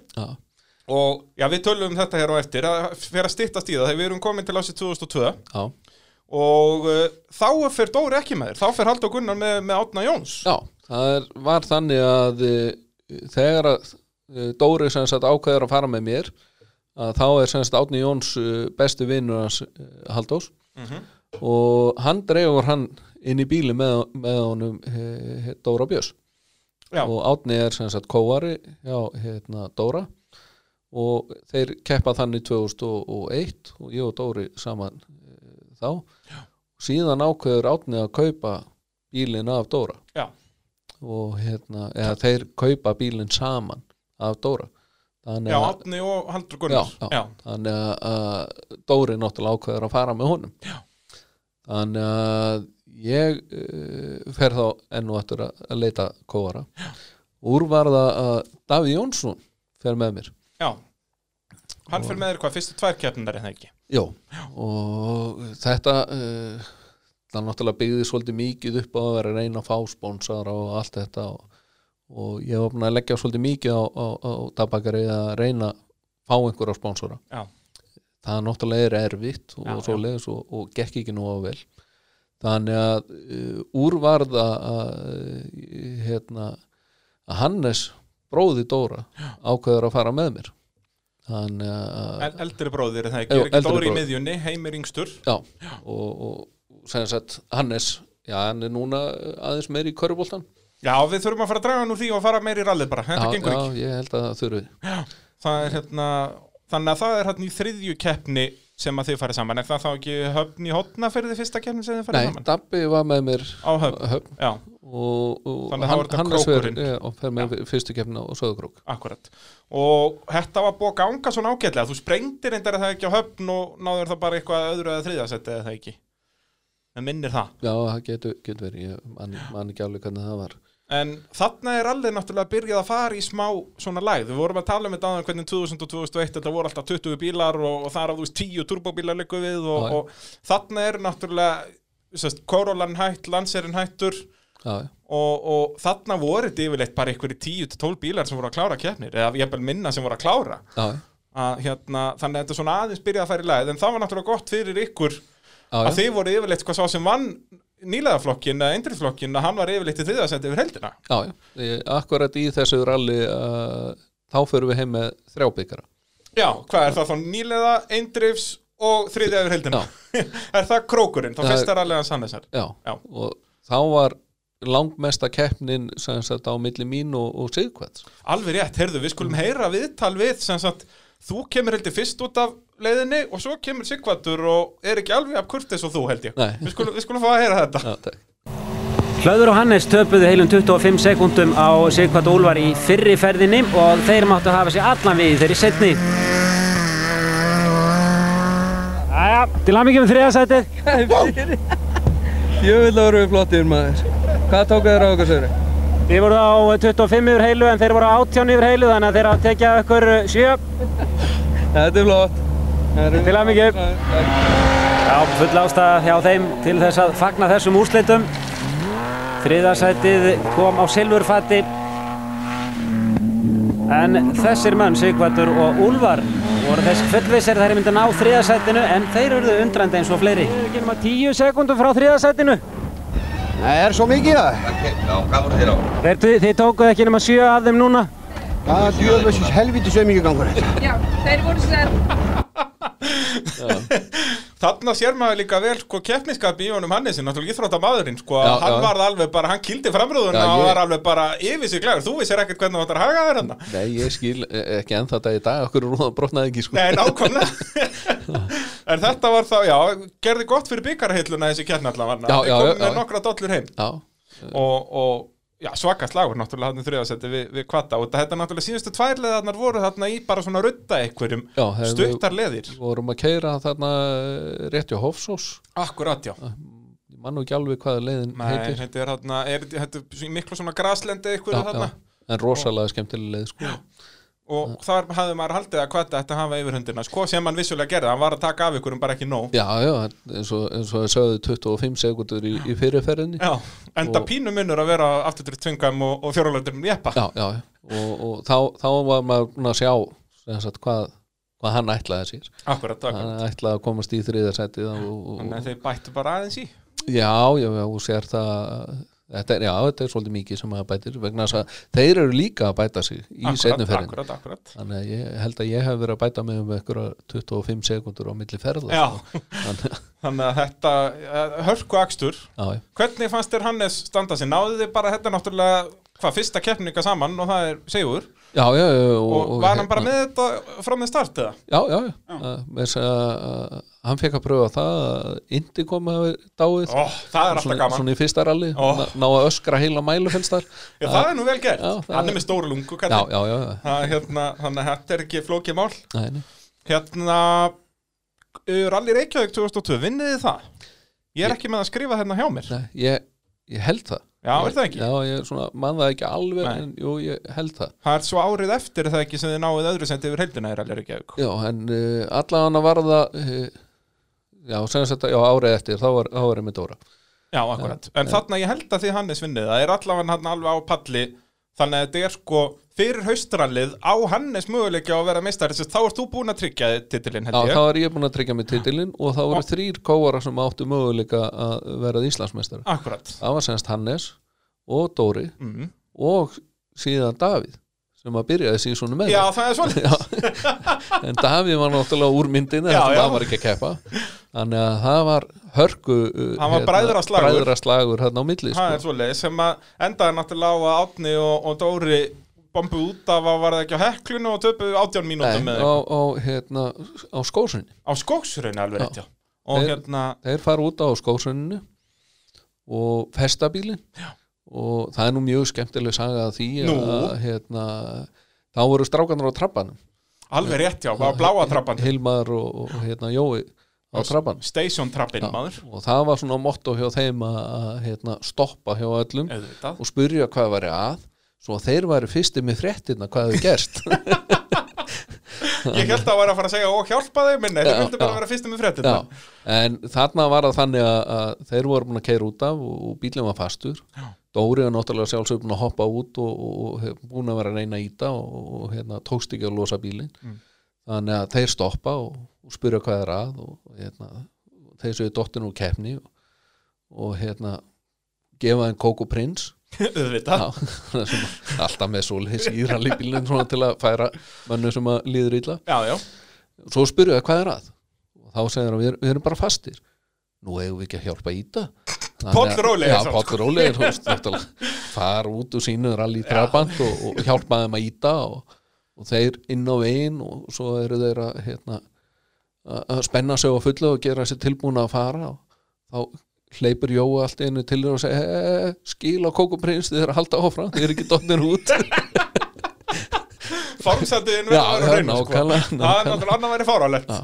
og hérna en já, þá fer allavega titillin til eh, Hannesar Já, en þeir uh, sem sagt, ég fekk þetta ekki alveg fríkepis eins og maður segir. Nei, að þetta var fyrsta leiðiralinu og vissulega fekk ég uh, rosalega mikla fórustu og síðan eftir þetta þá uh, keirum við hekluna og svo hekluna aftur tilbaka og það er rigning og á cirka miðri leið að þá brotna uh, þurrkuarmur. Já, frábært. Bílstjóra megin að sjálfsög þannig að og keira hekluna sem er ekkert nema sandur. Já, þetta er allt svart bara. Með enga rúðþurkur ég náttúrulega stoppaði, reyndi að fara út að reyna að laga, það gekk ekki að laga. Þannig að það var ákveð að keira og eina sem að veist, maður gætt gert var að skrúa niður rúðu og reyna að hafa hausin eins mikið út og maður gætt en í blískaparveðri Já, í blíðskapaveðri og náttúrulega í beltum og allt saman. En úr var það að Hannes náði að tróða hausnum á sér aðeins lengra út heldur en ég. Já, þannig að það var eina sem var öskra vinstri, vinstri, vinstri, hægri, hægri, hægri húst þegar maður var að fara út af. Já, akkurat, þegar við komin í kantinn sko, það er eins og segir, maður, sko, það er erfitt að móta veginn bara í góðu veðri sko, og, og hvað þá rúðu þurrgulegs í að þetta er allt bara svartur, svartur vikur og samtur þarna. Þannig að það er mínútur sem að ég var komið í fórustu það er hurfi helviti fljótt. Já, allavega nokkrar er það þarna. Og Dóri án með þess að eitt frábært moment það sem að, að hérna, ég er stopp út í kanti og, hérna, og er að reyna að laga rúðþurkunar og, og, Átni og Dóri koma framhjá og þeir náttúrulega þurfa að hægja á sér vegna þess að maður getur ekkert farið neitt mikið út af hana já, já, og þegar að, hérna, þeir eru akkurat að keira framhjá þá er Dóri búin að skrúa niður rúðun og gargar út, veist, hvað er að? samt á ferð já, já, já, þú veist, það voru ekki að stoppa en, en samt að reyna að fá ykkur að frétti já, já, svona alls ekki að stoppa. Nei, nei, nei En þá hérna skulum við heyra viðtal við þá bræður hérna eftir, eftir þessa keppni að að hvað þeir hafa sk- skemmtilegt að segja. Svolítið svektur. Já, þetta er frekar sækjandi. Það- Fórum út á heklunni fyrir ferð og töpum 80 mínútum og þá var allir reynda búið og ákveðum að hafa bara gaman að þessu en svo sprengdu við reyndar á skósinni setni ferð og skiptum og en þetta er rosalega sækjandi en ég á skoðum bara náttúrulega bróð til hæmingju og þetta var náttúrulega glæsilegt hjá þeim og hann ádali skilið. Þeir eru búin að gera mjög vel í sumar hlöður og Hannes. Titildin í höfn í báðum sætum. Já, já, við, við náttúrulega keiriðum rólega eftir það vegna þess að við vissum að við vorum undan átóstrákonum. það tókst það sem við ætlaðum okkur að gera, það var að tryggja mér titilinn, þannig að ég er mjög sáttur. Ég ég hætti eftir þetta, fínt að hætta bara með tvo titla. Og það kom svona eiginlega alveg á daginn eða ekki? Já, já, Hann bara hætt á já. En hann er nú eitthvað búinn að vera í kringum þetta. Ég, ég hef séð hann nú eitthvað í, í, kringum keppnir. Já, já, hann hefur alveg mjög sterkar skoðanir og hefur mjög mikinn áhuga á rally og svoleiðis og alveg þetta spjallu það fram og tilbaka Já, heldur betur, heldur betur. Uh, þá er komið til ásins 2003. Þarna sést vinnur báða titlana, bæði nýliða og eindrifs. Já, þá fer uh, Dóri með mér aftur Já, og þá náttúrulega verðið að keppi í eindrifs. Þá eru þið ekki gælgengir nýlega frá. Já, þá uh, varð úr að, að við ákveðum að uppfæra bílinn pínlítið Já, það ekki. Jó, og Hvað, það er bæði vélabreitingar og girkassi? Já, það eru kefta flækjur og eitthvað svona meira dót og svona að reyna að finna einhverja fleiri hesta í, þetta og svo frétti af því að hann Siggjóli ætti dóbox Já. þannig að úr varð að ég fór til hans upp í graf og, og, og hérna suðaði svolítið í honum og, og, fekk kassan lánaðan. Hann var brotinn. Þannig að e, dýllin var þannig ég fæði að lána hann ég, ég laga hann og skil honum í lagi. Já. og hérna Siggi Óli er náttúrulega uh, mesti snillingur sem að hérna, Bara fyrir finnst bara, Já. það er bara svo leiðis. og náttúrulega með bókaldi á hreinu. Þannig að þegar ég fæ kassan lánaðan hjá honum að þá náttúrulega skrifa bara á veggin í bílskotnum hlöðver gírkassi. Ekki á neina töflu en eitt, bara skrifa á veggin og, og ég, við náttúrulega pöntum varahluti í, í, í þennan kassa. Akkúrat. Og þetta er bara um veturinn fyrir tímabilið bara Já, já, og sjálfsögðu náttúrulega kemur þetta kortir fyrir rall Já, já, og allt brettin þetta. rólegur Já, já, og hérna náttúrulega varahlutin er búin að fara til Írlands og bla bla bla, þú veist, ekki Íslands og, Nei, svona. veit það ekki og hérna, en svo loksins kom þetta og, og kassin skrúaði saman og sett í bíl og þetta já, var bara held ég tveimur dögum fyrir ralli eða eitthvað álíka já. Svo þurfti bílinn í pústvíkjör þannig að ég fer með bílinn til hans Kariusar vinnar minns eins og hann var kallað hann heitir að vísa Arnar Sigursson Jú, jú, hann kallaði Karius og uh, hann átti að smíða púst í bílinn fyrir mig. Og, og skjóta honum í skoðin Já. og uh, hann rúlar á bílnum alveg hinum einn í húsin sem hann er að vinna. Já, Já, og þá brotnaði gírkassin og hérna úst, ég er náttúrulega trúið því ekki dobbóks mikið sterkara og allt þetta og kassin brotin daginn fyrir all. Og kassin er tekin úr og opnaður og séð og þá er nýja tannhjóli sem ég var að fá þá var það brotið. Frábært. Og það var nú bara einfallega steipugall í því það sást bara að það var stór loftbóla inn í Já. einu, e, e, einni tönni og en það var Arnar ekkert að gera neitt vittlust, það var bara að keira og, og þetta brotnaði bara þarna. Og, og þannig að það var að setja bara standard kassan í. Og þannig ferðu í fyrstu tvær keppnar eða ekki? Með minnir það? fyrstu þrjár keppna Eða fyrstu þrjár, já, það getur verið. að, Ég held að það sé bara fyrir krókin sem þú farið dókbóksið Já, ég er pínu þrjóskur Já, og var ekkert að gefa það eftir að kaupa bara nýtt hjól. Já. og uh, reglurnar eru náttúrulega þannig bara það er engin ábyrð á motorsport dóti bara að þú búin að kaupa þetta og búin að setja í þá er ábyrðið Get- búin já, ég segi, það getur ekkert gert. Þannig að, með fullt af uh, brefaskrifum á milli og svoleiðis uh, varð úr því að þeir vildu fá tannhjólið til þess að mynda það og svoleiðis. Já. og það tók nokkra vikur fyrir það að samþykja og að mér skilst að ég sé eiginlega eini maðurinn í heiminu sem fengi eitthvað að kleima frá kveif. Það er svo leis Til hamingi með Já, það þér. Þannig að, já, þið farið í, í fyrstu tvær til þrjá keppnar Sko, þannig eru náttúrulega bara fimm keppnar þetta árið. Þetta er fyrsta skipti sem að fækka úr 6 nýri 5 Já, Og hérna farið í fyrstu tvær eða þrjá keppnar bara með orginal kassa já, En eitthvað er lítið meira afl. Já. En áttu lítið róði í danna. Þannig er hann komið dogbox í honduna já, já, Og er helvítur hafður. Ég held að hann vinni ykkur í uh, fyrstu keppninni. Var það þá ekki AIFS rally fyrsta keppnin? Jú, hann Já. vinnur það. Já, En þú vinnur uh, rall 2 Já.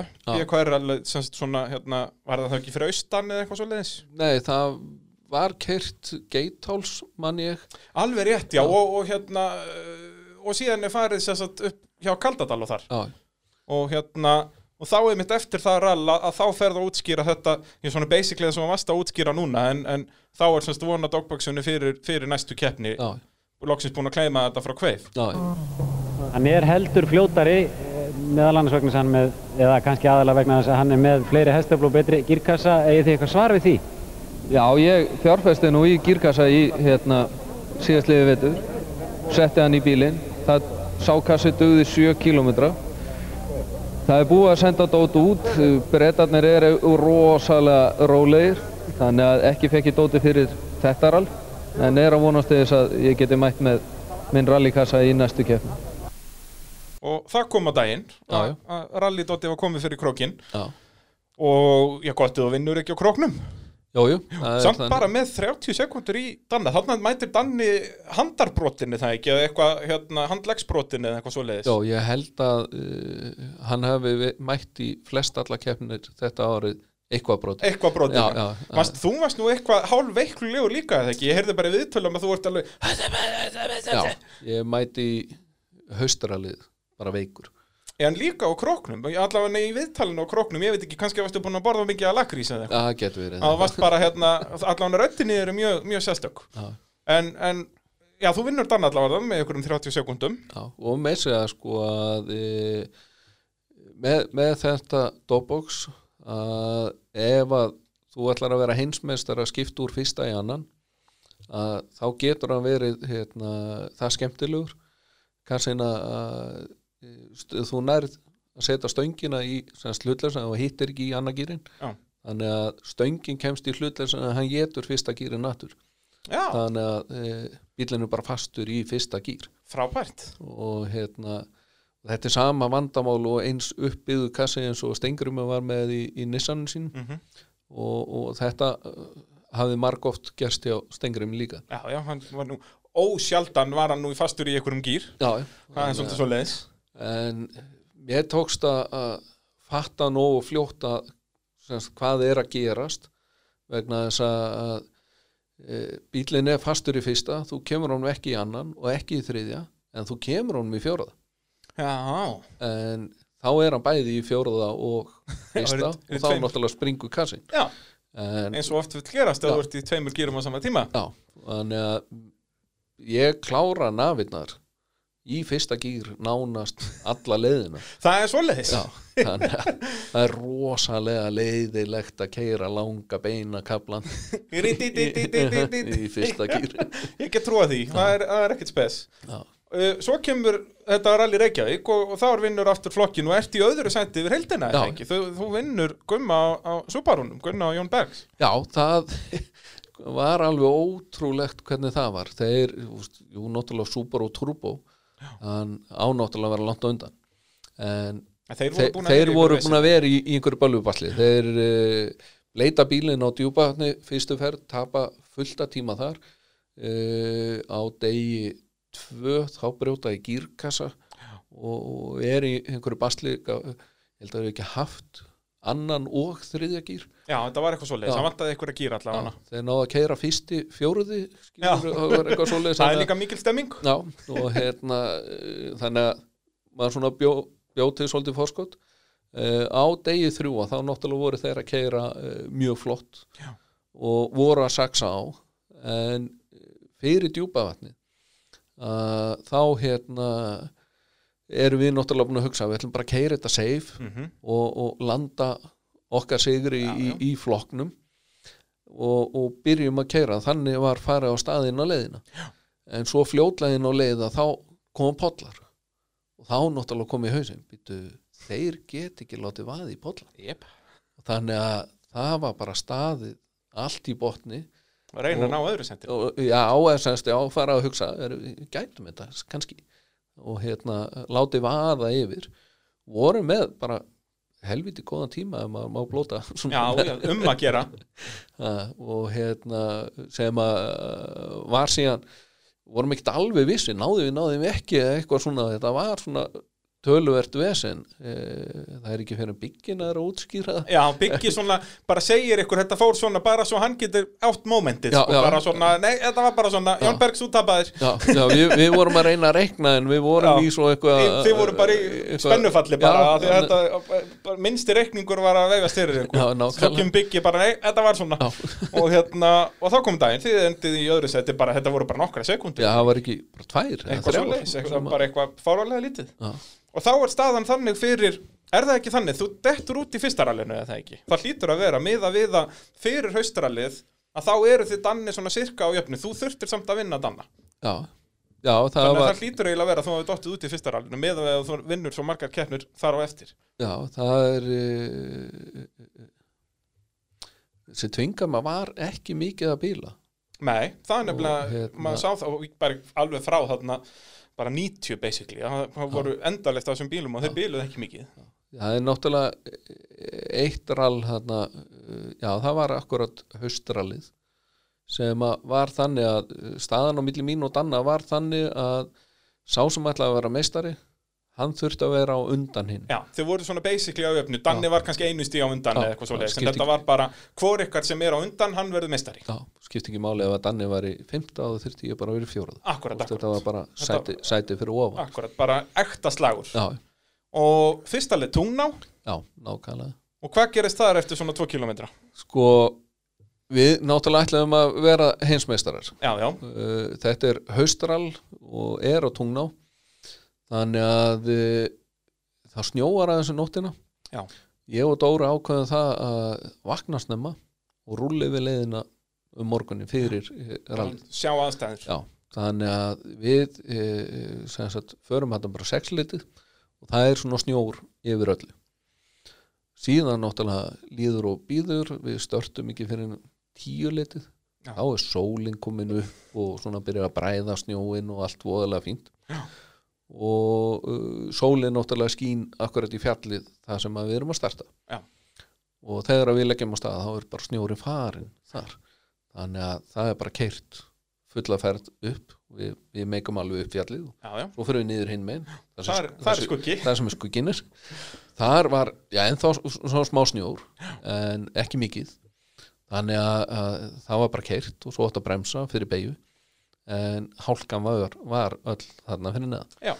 þannig að það bara skeiði ekki neitt fyrir við bara flugum út af og veltum bílnum.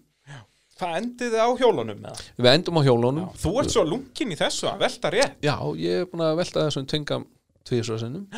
Og Og- bæði skiptin? bæði skiptið haldi, lenda á hjólónum Og og, og haldið áfram. Akkurat, að þetta, þú ert eins og Garða Gunnars bara. Hann er, hann er ólsigur að velta súbarónum sínum. Já, já, Það hann- hérna bara er- gera þetta rétt sko. já, Og nákvæmlega. hérna, þú veltur bílnum Já. Og enn og aftur brotna einhverju rúður og allt að gera Já, nú, þá, þá brotnu allar rúður að framan. Já, en, og það er slappað aftan. Já, allar rúðurnar aftan voru í lagi En hvað, farið eitt ring bara eða?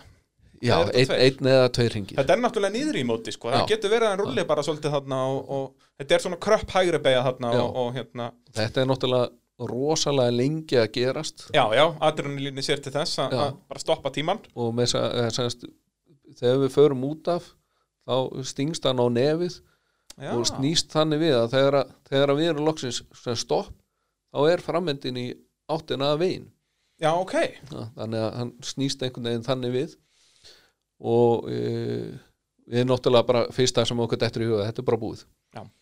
og hérna förum út bílnum þá er uh, makkinstri bræður þarna uh, réttur ofan að er að horfa. Akkurat þeir koma hlaupandi á móti og með þess að tína upp nóturna sem eru að fjúka allar hann í burtu og eitthvað svona.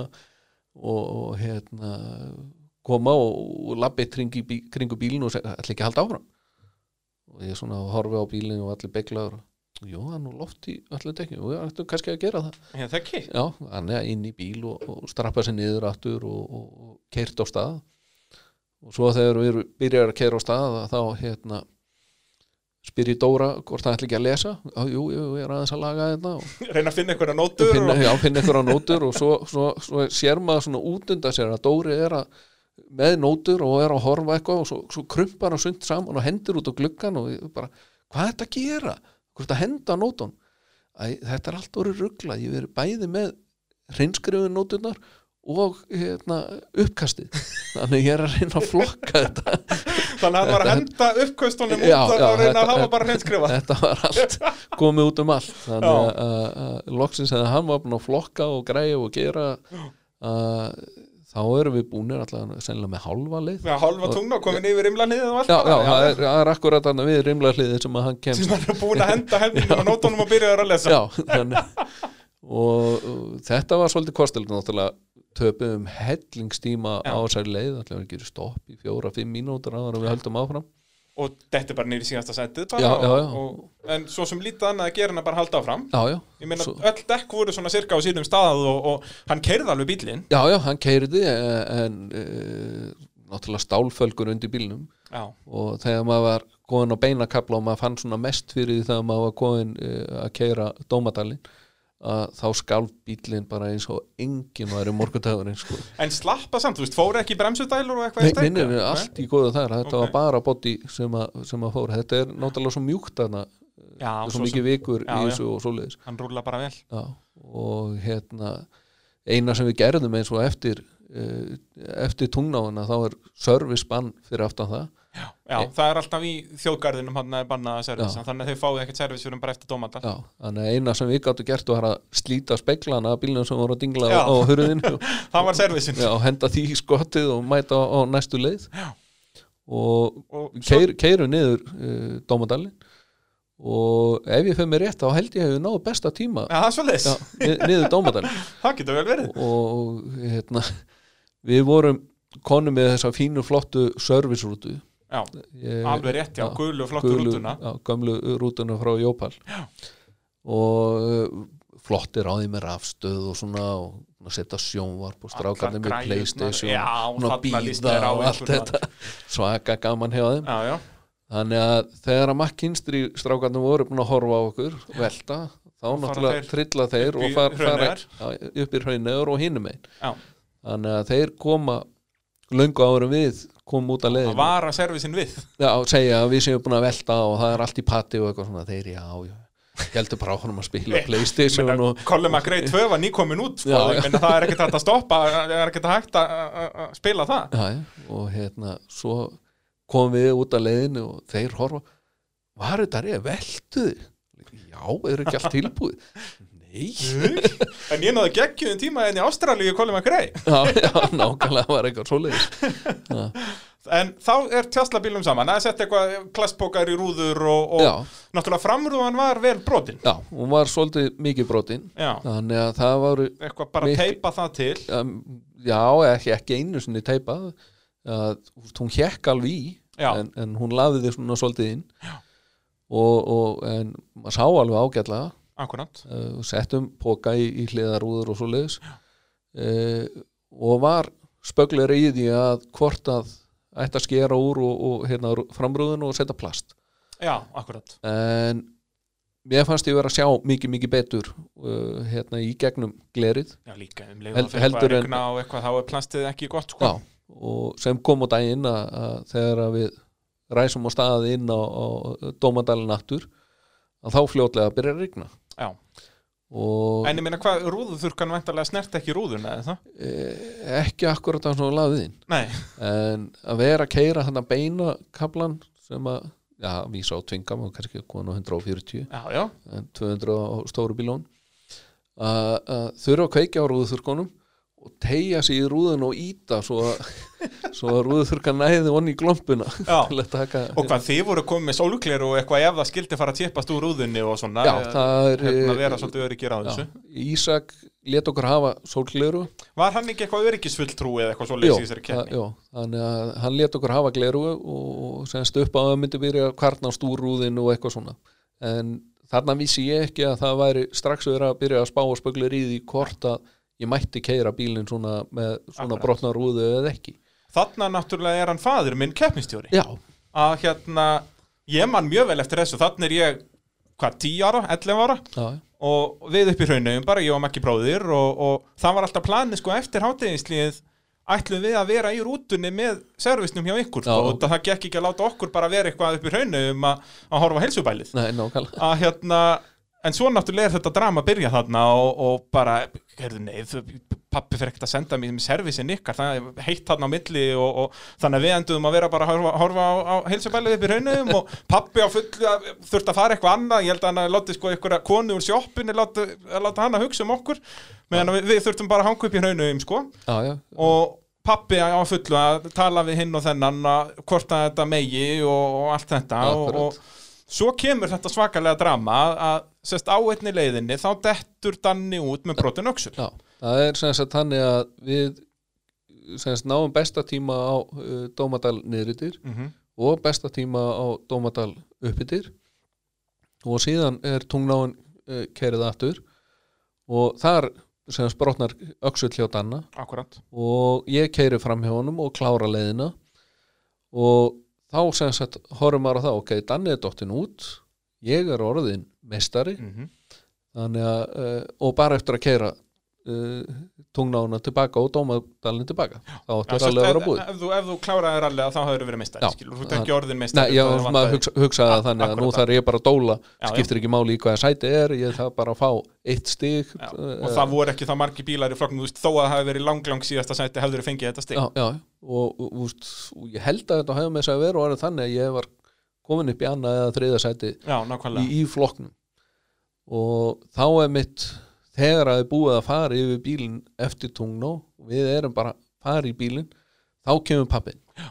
og við erum að fara bara inn á tímaðastu þá kemur hann og stoppar okkur og sagði að þið megi ekki halda áfram það eru dændur og legg Já. og e, það er náttúrulega reynd að rökraða fram og tilbaka Já. En það var ekki við neinu tauti að koma það var Nei. bara keppnistjórn að ákvaða það að ég var í dóttin og keppni Já.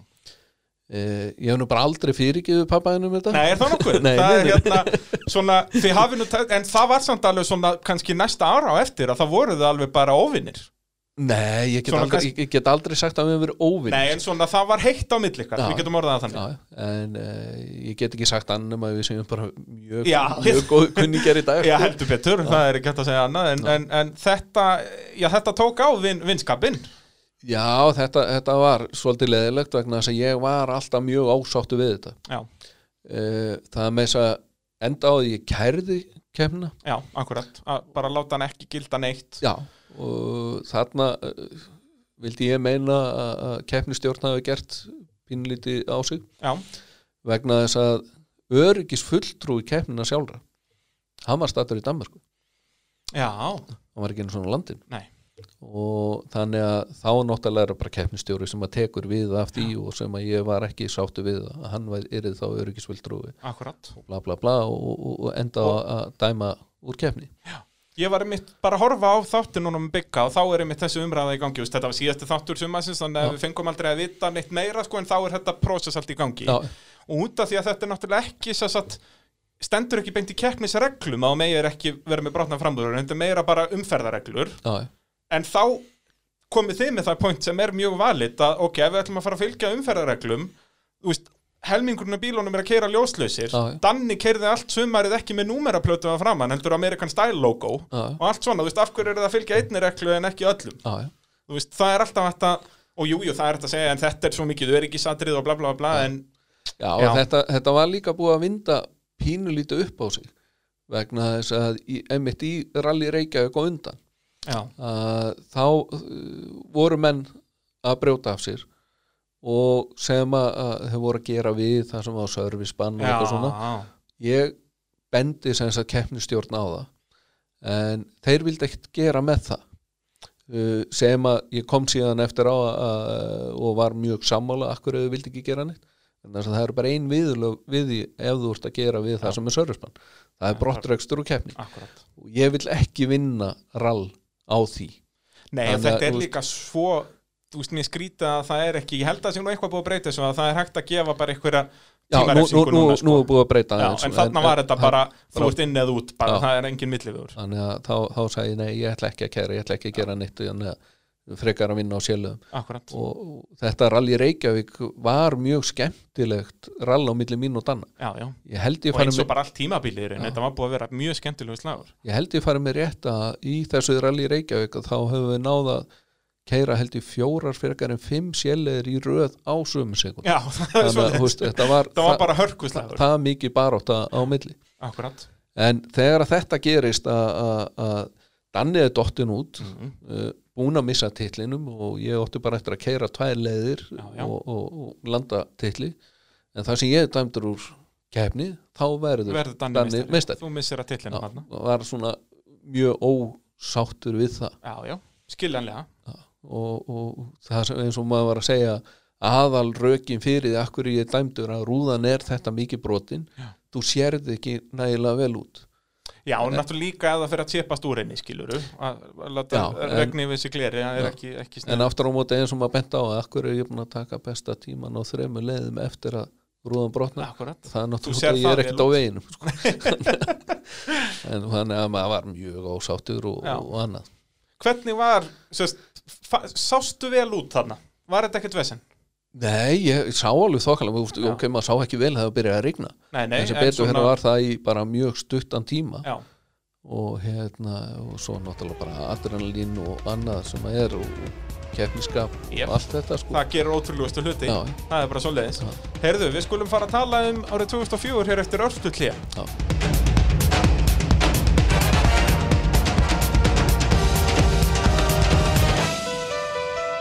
Það er mótorvarpið hér á Sport FM 102.5 allt saman í Nóa Sirius stúdíói podcastaðarinnar. Og það eru innvelar AB varahlutir og bíljöfur sem er að styrkja gerði þáttar, ja, þáttanna. Og uh, að sjálfsögðu bíl, bílapunkturinn. En ef þú lendir í einhverju tjóni eða einhverju krassi það er um að gera að skella sér í, í bílapunktinn og, og Valdemar Jón Svensson rally kappi reddar þessu, málar þetta og réttir og ég veit ekki hvað og hvað. Þannig að um að gera að skella sér þanga að þú ert, eh, já sérstaklega hann í Reykjanesbæin, þeir svo sem líka sækja og bíla á, á höfuborgarsvæðið og eh, já, ef að fólk lendir í krassið að þá fer það í bílapunktinn og þá er eh, já, um að gera að spyrja þig, Klauður, hvað er stærsta krassið sem við höfum nú talað um þið nokkur hér í, í þættinum Hvað er að þínum að stærsta krass sem þú hefur lendi á, á ferlinum?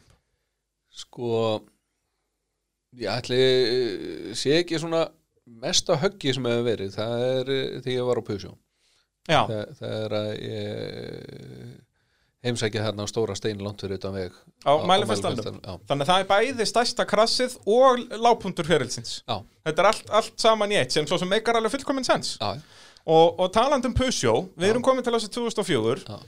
Þannig ertu búin að missa titlinum Hann fæði minn búin að taka þér titlin árið 2003 nákvæmlega. Helvitið á honum. Já. En þetta núlast allt út, og hann kom þér í sportið sko. Hann kom þér bara í sportið til þess að vera leiðilegur við þig já, já þetta, þetta, þetta er ringrætt lífs, lífsins Já. en hérna hver, hvað voru pælingarnar hérna? þannig ertu náttúrulega búin að vinna allt sem þú getur unnið í þessum eindrifs eða 2000 eða nýlega flokki eða hvað þetta heitir allt saman já, já. og langar í eitthvað stærra og betra Já, eða, já, sest, Daniel ætlaði náttúrulega að halda áfram á, á sinni hondu mm og Hondan var náttúrulega tölvert afl meiri heldur en tvingaminn Já. Þannig að, ég ákvaði að selja hann og byrja að spá og spöglara í öðrum endreifsbíl sem að ætti þá möguleika í, í Honduna. Af hverju sest, hugsaðar aldrei lengra en það? Vildur ekki taka forvildarafslægin og, og þú veist svona fyrst og varst byrjar að pæla í einhverjum öðrum bíl og, og bara taka þetta alla það, það kom aldrei aldrei í, í pælingarna þannig síðan sko. Þó að þessi pusju hafi nú kostað bara mjög svipað og Subaru akkurat. hefur kostað, það er kannski munað 5 eða 10 úrst eurum kannski á, á þessum tíma sko.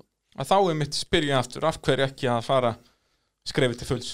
Sko þetta var búið að vera reikið svona meira minna á mjölkupinningun Já. og uh, með þess að eitt sísón var eiginlega nánast gert út á gulu miðum sem að er rosalega skemmtilegt. Mm, mjög. Já, og hérna frúin orðið mjög ósátt hvað maður var að eyða mikið af penningum í liðs þannig að það var sest niður reiknadæmi farið á stað og, og tala við kostunaræðila og annað. Mhm. var mjög, mjög góður og, og heppin að ná í, í, í, slakta af sponsorum og annað. E, þetta voru náttúrulega töluvera fjárfestingar sem maður var að leggja á staði þannig að maður þurfti að fá lán og með mér það tókst að, fá spæru sögu velstjóra í lið með mér ok, e, þeir lánaði mér fyrir bílnum e, gáð skuldabrif áborgunu bara e, þreisa sinnum á, á þremur árum Já. og allt vakst á laust og annað og þeir eru Ok. með auglýsingar á bílnum já það er Þannig að þetta, þetta var mjög góðu Já. sko. Og hérna úrvarða að þegar að maður var komin svona á stað með þetta að þá var ég með augastað á þessum pusjó já, eða rétt sett var ég búin að finna annan pusjó en í Finnlandi líka. Ok, svona 306 bíl. Já, nákvæmlega eins bara uh, mjög svipaður. Mhm. en þegar að við ætluðum að, að sagt, þegar ég hef samband við hann og segi heyrðu, ég er að spá ég að koma og ætla að skoða hann og svo liðs þá segir hann mér að hann hefði hérna, farið headbacking í honum og væri eitthvað bílaður og eitthvað svona. Já, já, þannig að þá var bara slögt á því dæmi og, og farið að skoða þennan bíl. Hann var aðeins dýrari og uh, ég fæði kall fæðir í lið með mér við ákveðum við ætlum að fara þessa helgi og, og skoða. Skottast til Finnlands. Og ég hef samband við hann mann með þess að Tímo Jakon Sari Já. hétt strákurinn sem átt hann uh, út í Finnlandi. Og, og hérna segja ég ætla að koma þessa helgi. Það koma svona svolítið vöflur á hann og alveg bara e, það er all þessa helgi. Já, alveg já ég veit það. Ég er að keppið, já ég veit að ég ætla að horfa já kannski engan rallybíla á sunnudegin út að ég ætla að keppa á hann. Já ok, þá kem ég allan bara að horfa á hann. Ég segja það, þá allavega hann að fórstu að horfa á rall. Já, og þetta eh, var náttúrulega fyrsta rall erlendi sem ég fór á að horfa. Já. snjóral í Finnlandi. Og, Er þetta hvað, bara í februar, mars eitthvað svo leiðis? Já, ætla að sé ekki, já, í februar eitthvað svoleiðis. Og, og þetta er geggjað að horfa á þetta. Svolítið mikið, mikið stærra en hérna Já, já, náttúrulega mikið, mikið, mikið stærra og, og náttúrulega eh, þarna mætti maður það snemma að maður mætti í keppniskoðun og svoleiðis. Já, hundra og eitthvað bílar í rally og, og hérna fullt af vaffir bílum og allt saman að keppi þessu. Og ég man alltaf að, að strákreið á pusunum og hafa með rásnúmi 77 þannig að þannig að, að það, var, það, var, það var svolítið aftalega Já. en, en samt mjög framalega í, Í sínum- í flokknu sínum. Akkurat, akkurat. Og vera stattur í skóginum uh, þarna úti uh, cirka meter eins og hálsmeter jafnfallin snjór. Uh, 25 stegar frost. En það er mikið stilla að, að þegar maður komin að leið og lagði bílnum lappa einhverja uh, 3-4 kilometra inn á leið til þess að horfa á Mhm. að þá var, var manni uh, það heitt úst, í kraftgalan og allt þetta. Þú hittnaðir við, við lappi í gegnum og, skóin og, og hérna rendi niður og þetta var bara eins og eh, skvetta heitu vatni inn í fristið það kemur ekki nema bara gufa og móða. Og manni varði ekkit kalt og verið 25 stegar frost. Já, Og- svo lengi sem það er lokna þá sleppur þetta og Já. náttúrulega ef þú ert alltaf inn í einhverjum skói þá er nú yfirleitt svona nokkuð nokkuð mikið stilla Já, svo hérna, mann man líka alltaf eftir því sko að fyrsti bíl inn á leiðina var Peugeot 206 svona Já. Waffer C bara. Já, og hérna trubluð trublatæki Jep. og, ég veit ekki alveg hvernig leiðin láð þarna í skóginum en sem sagt maður byrja að heyra andilagssprengingar uh, mjög fljótt Já. Þannig að maður setti sig í stellingar og svona býða kemur og kemur bílinn og maður var heyrandi svona andilagssprengingar og læti og háa í bílnum svona þrjár, fjóra mínútur áður en hann kom. Þannig að maður Þú beið og beið og beið. Geðvegt peppaðar fjóra mínútur og loksins kom bílinn Já, og, og keislan á þeim í, á ísnum. Var fáránlegt. maður ekki búin að átta sig á því hvað þegar þú ert á álfur ístekkjum á, á fjórhaldriðsbíl hvað gripið er rosalega gott. Já, já. En Þannig þeir tala um það, ef það er góður ís Já. að þá er þetta jafnvel meira grip heldur en rallið eitthvað möll þeir tala um meira grip heldur en slikkar á malbyggi Já, ég veit nú ekki kannski með það. Já, Þetta er kannski öðruvísi grip. En svona, jú, jú, kannski. En það er náttúrulega sænska rallið í Vaffir C er alltaf hraðasta rallið þannig að það er nóg að gripið þetta En þú Já. endar á að kaupa bíl. Ég kaupi hennar bíl og með þess að e, reglur í, í Finnlandi að mér skildist á allan að stráknum. Að rallybílar í Finnlandi að þeir fá bara útlutað númer fyrir rall og eftir rall er sagt, bílnúmerið ógild þannig að e, svo fáið bara nýtt Já, já, bara fyrir- alltaf sér númer fyrir hvert rall. Já. Akkurat og bílarnir þannig sé ekki tryggðir en eitt nema bara Með þessu númeri í keppni. Akkurat Þannig þannig að- erum við að tala um bara skráninganúmer Þetta er ekki rásnúmer Nei, nei, þetta er skráningan var bara lím, límið sem Akkurat. er límdur á bílinn sem, bara er, sem er, er bílnúmer Akkurat, akkurat þannig að þegar við komum og, og skoðum bílinn þarna á sundin náttúrulega hittum strákinn og já. við hann þegar rally var og allt svoleiðis og, og strákreiði sá hvað ég hafði mikið áhuga á þessu þannig að hann kerið alveg eins og kettling í rally þannig svo hefði eitthvað til að selja Já, og já. losna við bílinn Akkurat og þegar við komum síðan í, í, í skúrin til hans einhverstaðan lengst upp í sveit Jú, jú. sem hann átti heima daginn eftir og, og skoðum náttúrulega bílinn í bak og fyrir og svo spyr ég hvort ég megi pröfa hann. Nei, það er bannað að kera Já, bara út að hann er ekki með neina Já, hann er ekki á númerum. Ég sagði við erum hérna upp í sveit.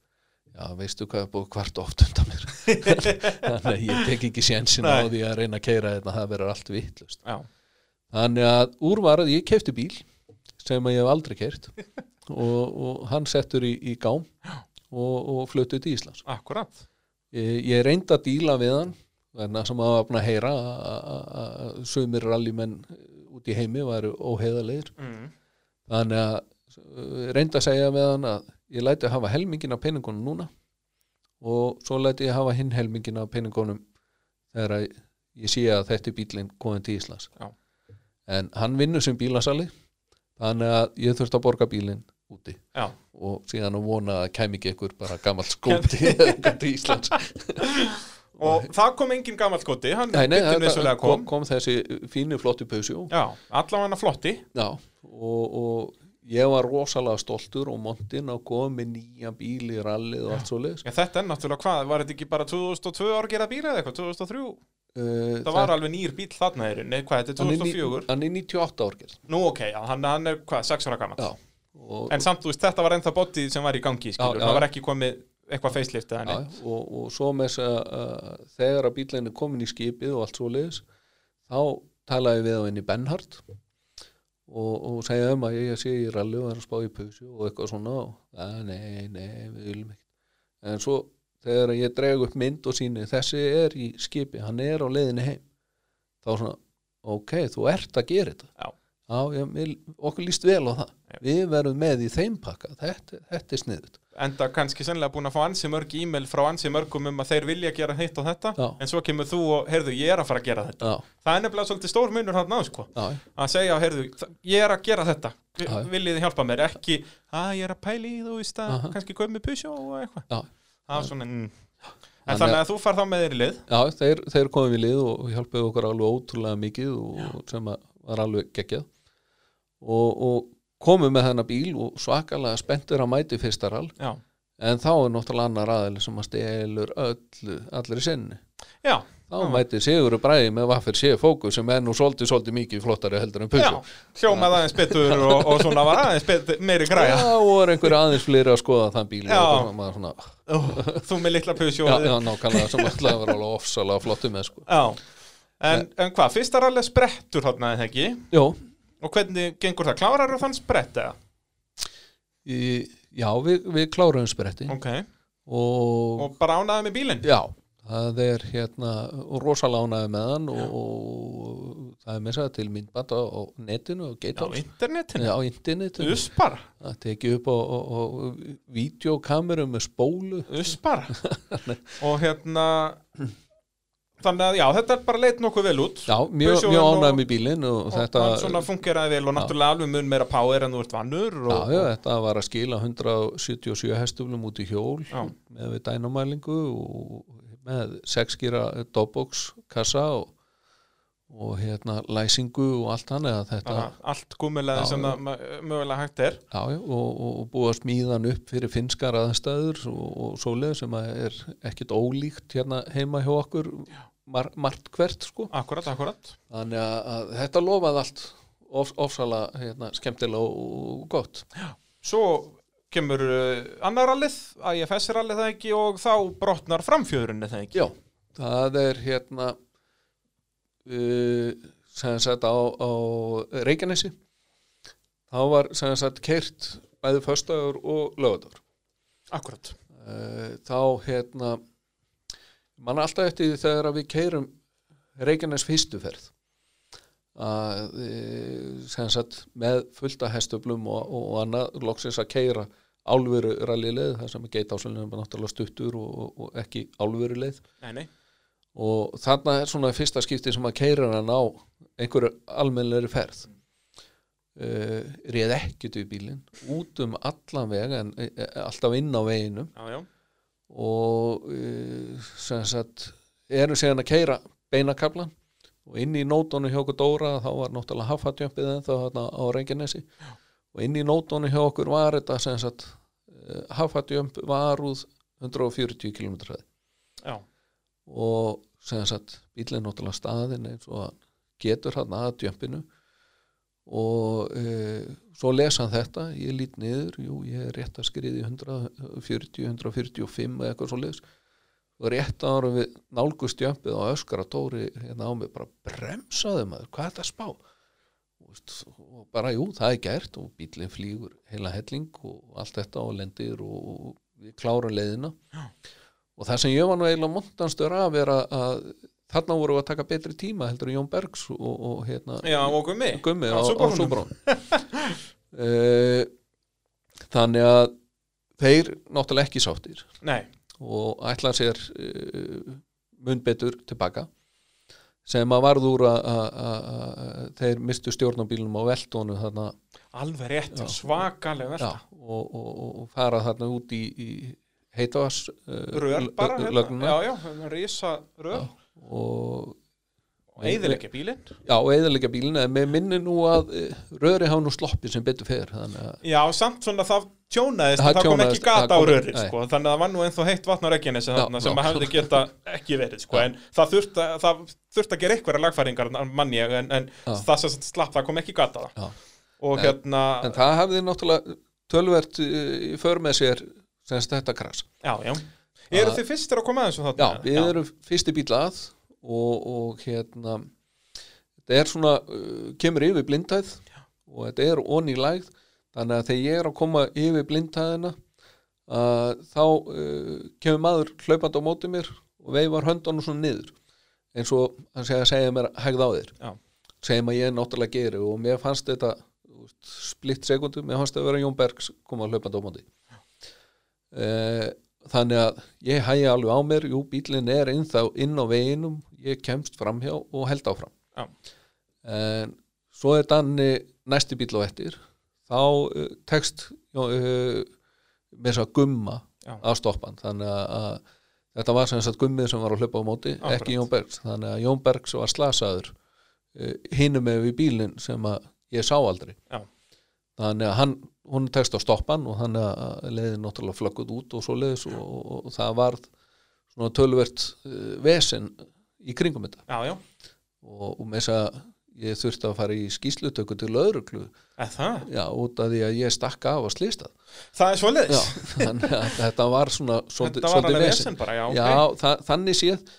En hérna, sem betur fyrir var nú í, í góðu lagi með, með Gumma og neða semst Jón Berg. og, en, en þetta er til dæmis ein góð ástæða sem að koma út úr þessu öllu saman. Núna er OK og sjúkrarkross í bara öllu- skilt í öllu- öllum bílum. öllum Þetta bara- rallybílum. getur bara verið að fjórir blað líku við sko Já. og hérna þá er rauður kross öðrum megin og grænt ok hinnum megin. Já. og, og það kom einmitt eftir þetta. Já, kom eftir, eftir þetta og hérna en Pusjón hann vildi ekki mikið lengra í þessari kefni Nei, eh, semst, jú, ég kláraði þetta fyrir daginn og ofsa gaman og svoleiðis og síðan erum við akkurat að keira Reykjanesið e, á lögadeginum þá er einmitt þetta grjót inn á vegi Já. sem að ég keira á og, og brýt fjörun akkurat. Og, og, og, og dettur út úr þessari kefni já, dett út úr þeirri kefni svo er þriðja umfyrin að nætur all hann og dómadal og þar og, og þar vinnuru sest, uh, klárar og, og í fyrsta seti. Danni sprengdi minni mig og eitthvað og, og Já, og var, þú- var, þrjusu kefni á milli okkar en Já. mér tókst að vinna. Akkurat, akkurat með vara fjöðrunna semst í bílnum. Já, já akkurat, já, þú ert með hérna, ert ekki sáttur með þess að þú ert með eh, gorma sem er ekki jafngóður, þetta var nú ekki alveg orginalið það en, en Nei, svona, þetta var svona uh, sem fjöðrunna sem að var í bílnum var Proflex. Já, Eh, ég sendi hana út sagt í viðgerð þar sem hún brotnaði og allt Mhm. svoleiðis. Og það fylgdi með bílnum bara svona pusi og sport. Já, bara eitthvað svona RS-fjöðrun eða eitthvað svona bara svona sem er eitthvað aðeins stífara en orginal en samt svona eiginlega orginal. Já, En það er mitt, þú varst að aðeins, hérna er viðtal við þig, held að sé í miðri keppni frekar en eftir hana, bara þau ert að koma út af leið, við skulum meira hvað það Hlöður, þú hefur verið uh, sýnist mér að aka heldur hægar heldur en þú getur. Já, það, við getum farið miklu hraðari, betri, betri byrtu skilurði. Eins uh, þegar við erum með álveru keppnisvjörun í bílnum að fram að þá hefur við getað farið mikið hraðar. Spila upp á stöðuna líka. Mm, svo er náttúrulega spil upp á stöðuna líka sem hefur búið að gerast og búin að brjóta fjöðrun í síðasta rally og er svolítið smeykur. Þannig að með góða fórustu, slaka á. Þannig að, að þú, já, eins og segir þannig, þú hefði getað farið hraðar Já, og þá var komið að kroknum, þið skoðuð og skoðuð og ætli svo leiðis að sigra heiminn Já, nákvæmlega og bombið út af að bara snemma á mælfestanum. Já, það er já, bara eftir 2 km eða svo Já. Hva, hversu mikið tjón verður það á bílnum þannig? E, Það er náttúrulega e, hellingsbody tjón og, og svoleiðis náttúrulega Þarfst stu- alveg að fara í réttingabekk og... uh, grindaskakkur og, og, og brotnar gírkasafestingar og, og, og alls konar svoleiðis og Já. þannig að það þarf vél og kassa úr og, grind, og, og í réttingabekk og allt þetta. Og uh, við náttúrulega vorum kannski svona frekar rólegir eftir krassið uh, upp á að við skildum bílinn eftir og, og hérna vörumiðlun kom með hann í bæinn. Já. uh, hann tafiðist eitthvað aðeins þannig að bílinn kom ekki einhverju tveimur, þreimur dögum setna þannig að ok, ekkert mál og svo er ég búin að tala við einhverja uh, sem strákar sem ætlaði að taka hann í, í bekk fyrir mig. Það tafiðist líka Já. og allt svo leiðis þannig að uh, næsta rall og eftir var rally Reykjavík. Akkurat og ég fæ sem sagt bílinn úr réttingabekknum föstudagskvöld og rally Reykjavík á fimmtudaginn vikun eitt Já, tæp vika. Já, Og þá ertu bara með skél í lægirun Hafa eftir að setja allt framan á. Að setja allt framan á og svoleiðis. Þannig að við byrjum að vinna í bílnum hann á föstudagskvöldi vél og kassi í og allt svoleiðis og, og hann fer í gang hann einhvern tíðan nóttina. Já, og svo er náttúrulega bara klárað og, og hérna um helgina ko- bara ko- og... kom, koma þessu saman. Já. Ég held að, já, við byrjum að vinna í honum á föstudagskvöldi unnum í honum til klokkan átta á, á lögadagsmóndi þá uh, lögðum okkur bara inn á kaffstofu í klukkutíma eða svo. Já, og, og byrjum að vinna í bílnum aftur og þá komumst við að það eru gangtröflanir og við erum að leita og vesunast alveg fram og tilbaka og, og endum klukkan sjö á sundarsmótni þá, þá, þá fórum við aftur inn á kaffstofu og lögðum okkur í tvo tíma. Já, nú, já, þannig að þá voru það alveg nýjir eftir það. Já. Já, já, já.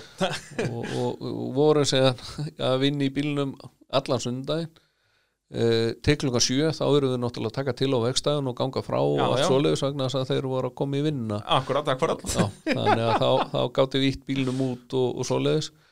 Þannig að þá gáttum við að fara heim og, og, og lagt okkur til háttegis Já, sk- stórgott alveg þá fór, stórgott. þá fór við að skoða. Já og, og já, þeir mætið í rallur Reykjavík en þá enn og aftur þetta úr leika, það ekki? já, þá bríti í dogboxi Þá brýtur þú dogboxið. Já, og hérna var með fínustu tíma og var í fórustu uh, hérna eftir fyrsta dag. Já. en svo á Dómadal þá bríti í dogbox. Akkurat, það hefur verið ansið dýrt.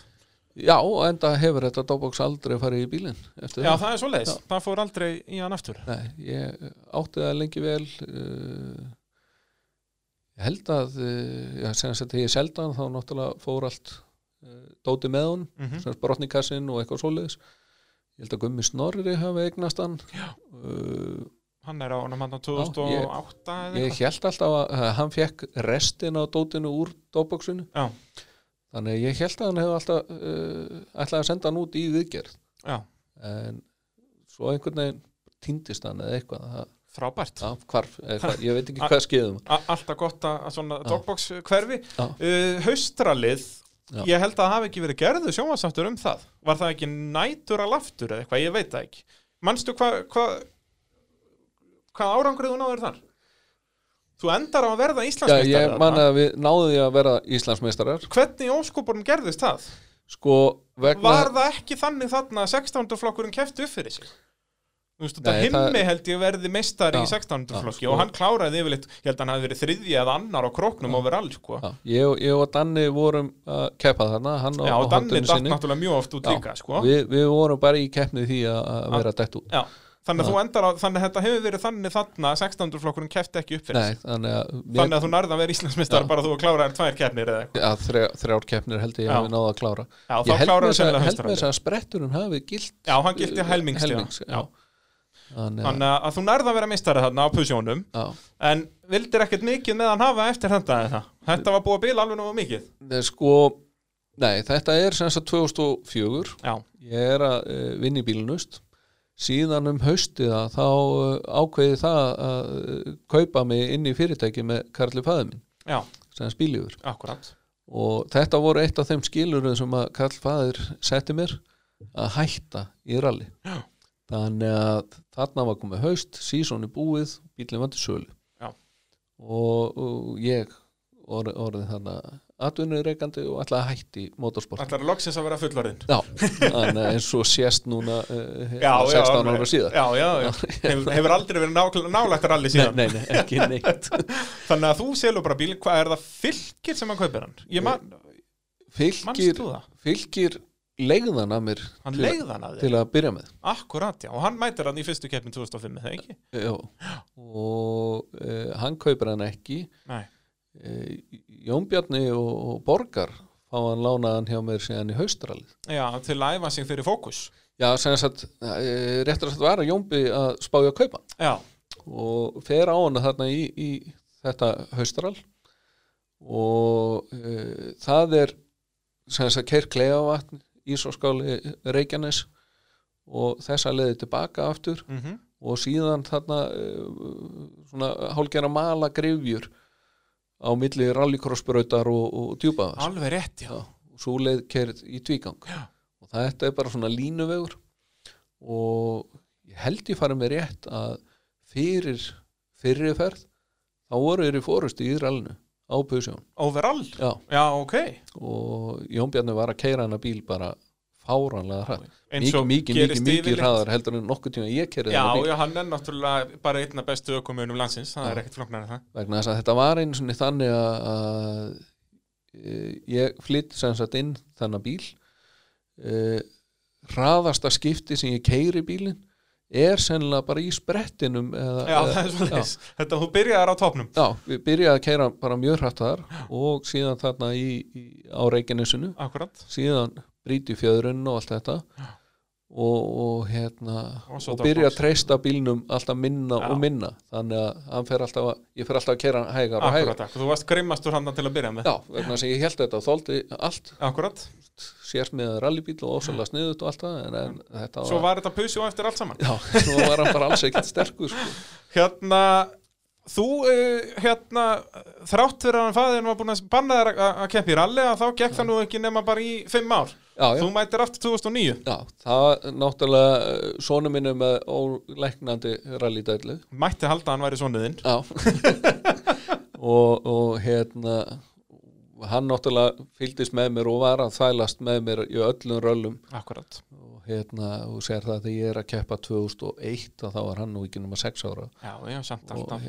alltaf með og alltaf í service og alltaf að fylgjast með og, og fannst þetta brjálæðislega gaman Já, já, ég mann alveg, við vorum oft saman á tímastöðum og eitthvað að vesenast, sko. Já, já. Þannig að við erum náttúrulega svipuðum aldrei. Já, þannig að e, þegar að e, við, ég er náttúrulega sel þennan tvingan sem ég átti á Mhm. sín tíma Guðmundur Höskulsson kaupir hann Mhm. hann selur hann síðan til Ólafsinga Já. og Þeir verða nú báðir meistarar á honum. já, já, já, fínasti bíl sko. Já, já.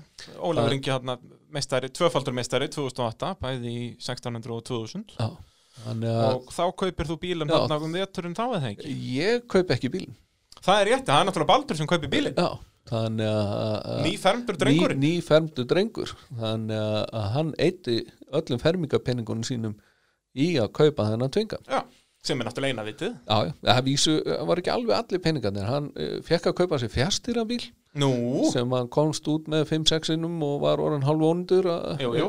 eftir, það. Láttu mig þekka þetta.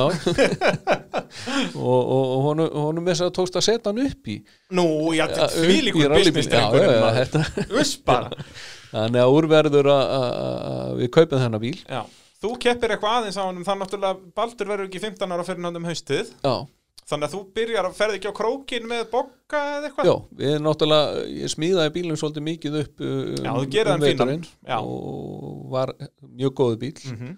og, og með þess að svolítið gaman að því að, ég var náttúrulega búin að vera með dopboxið frá Sigóla Já, já, og náttúrulega búin að skila því í lægi og, og Siggi Óli búin að geima það inn, inn í skúr hjá sér Spreyjaða gullið já og svo var hann búin að sperja gullita og svona. já, og gullkassin. með þess að Íó var búin að vera með kassan í, í mildi Já, í tótunni. já, í láni. Þannig að uh, ég fer síðan til Sigga Óla og, og, og fá lánaðan kassan já, já. og, og, og það var náttúrulega minnsta málið. En þarna upp á vegg stóð náttúrulega hlaðver girkassi og svo þegar ég var skilað þá var krassað yfir og svo þegar ég kom fimm ára setna að fá hann lánaðan aftan Já. þá tvístrikaði hann undir nafni Þetta er allt í bókaldinu, já, sko. þá var ég komið með kassan aftur Já, sko. já, þið vita, þetta segir sér sjálf Já. Það er bara svo leis og, og já, þið, þið keppið á þessum bíl þarna Já, þú keppir á honum í, í þrjú ár eða, eða þið og, og eða Batti náttúrulega með þér allt 2010 tímabilið og þá verðið þið meistarar. Já, ég, eh, semst, fyrsta keppni eh, fer ég hérna á Akkurat. Og þá fer hann borgarvinnu minn með mér en uh, hann hafði ekki tíma fyrir allt rallið. Já. hann þurfti að mæti brúðkaup hérna á laugadeinum þannig að ég samdi við keppnistjórn um að ég fengi að vera með annan aðstofarökumann síðustu tværleðarnar í rallinu. Þannig að svo Boggi þurfti að fara í hátinn Já, hann fó, tók bara mælfælistallinn og svo var einhver annar sem að Já, þetta með þess að var sko, keft bæði först og lögða Alveg rétt, já Já, og við keir- keyrðum hann í rétt hjá Hofsós og þar á, á, á föstudeginum. Já. Eh, ég var með þessi fínu, flottu, æðislu held ég að verið Dunlop rallydekk sem ég flutt inn. Og, og, og hérna þau svona uh, máttu ekki sjá steina, þá voru þau sprungi Já, það er svo leiðis Já, Gæðastöf. Þetta var alveg æðislega dekk sko, þannig að, Þannig að þú varst svolítið í því að sprengja hann Já, á föstudeginum þá held ég hefði sprengt tvö eða þrjú dekk. Já. og síðan á fyrstu ferð eh, upp mælifestalinn þá uh, sprengi ég tvö. Og hérna, þá var náttúrulega mælifestalinn bara kerður upp yfir og niður Já, akkurat. Og uh, það var náttúrulega bara eitt dekk í skottinu. Jú, jú. Og ekkert dekk í service upp frá. Já, frábært. Já. þannig að, hérna, þegar við komum upp að þá hérna var ég svolítið jú en e, ég var búinn að kaupa svona spacera með e, öðru í sig gatadeilingu Já, og, var búinn að fá e, rallyfelgur e, sagt frá fókusinu sem að, Jón Bjarni flutti. þannig að það var komin uh, gatadeiling af Ford og þarna voru uh, hérna, þeir bræður að keppa á, á fókus. Þannig að ég fekk lánað eitt ekki á þeim. Vanalega er uh, tvingam sem sagt á 13 tómi. Jú, jú. En uh, 14 tóma komst alveg undir. En 15 tóma komst eiginlega ekki undir. Nei, en fókus er náttúrulega að keppa á 15 tómi. Jú. Þannig að það var að setja sem sagt ekkið á að framann Já. og það var hægt að beigja svona uh, já, eitt fjóruða Ongu pongu lítið. Þannig að þetta var svona smá lækni að fara niður mælfælistallinn já, við keirum niður dalinn og, og hérna og þar eru við held ég bara í næst síðasta sæti ef ekki síðasta sæti. Já, og hérna og Boggi að drífa sig í brúðkaupið með að drífa sig í brú- brúðkaupið og, og kveðu bara og Arnar Sigursson ákveður að fara með mér síðustu tvær ferðirnar um hérna nafinna Akkurat og, og síðan uh, gerast bara uh, heill hellingur alls konar mistökum. Himmi sem er að keppa á hondinni hann brýtur uh, öxul dettur úr keppni Halldór Vilberg sem var á framdreifskorulni Akkurat. hann ákvaða að festa svona í skurði Jep. og, og, og, og einhverju fleiri sem á voru í vesinni ég held að við höfum óvart poppað upp í annarsæti í, í, í flokknum. Bara mistökum annara já og místökum annar og Já. náttúrulega keira bílinn á þessu einu 15 tómi dekki og, og ekki þetta beigja neitt rosalega mikið. Akkurat. Þannig að þetta var svona svolítið kostulegt að, að þegar við vorum búnar að keira e, mæluferðstælin nei, ég segi hérna nafinnar og ringi ég bokka, hann er ennþá á leiðin í bæinn. Og segja hann að heyrðu þú kláraður í öðru ha?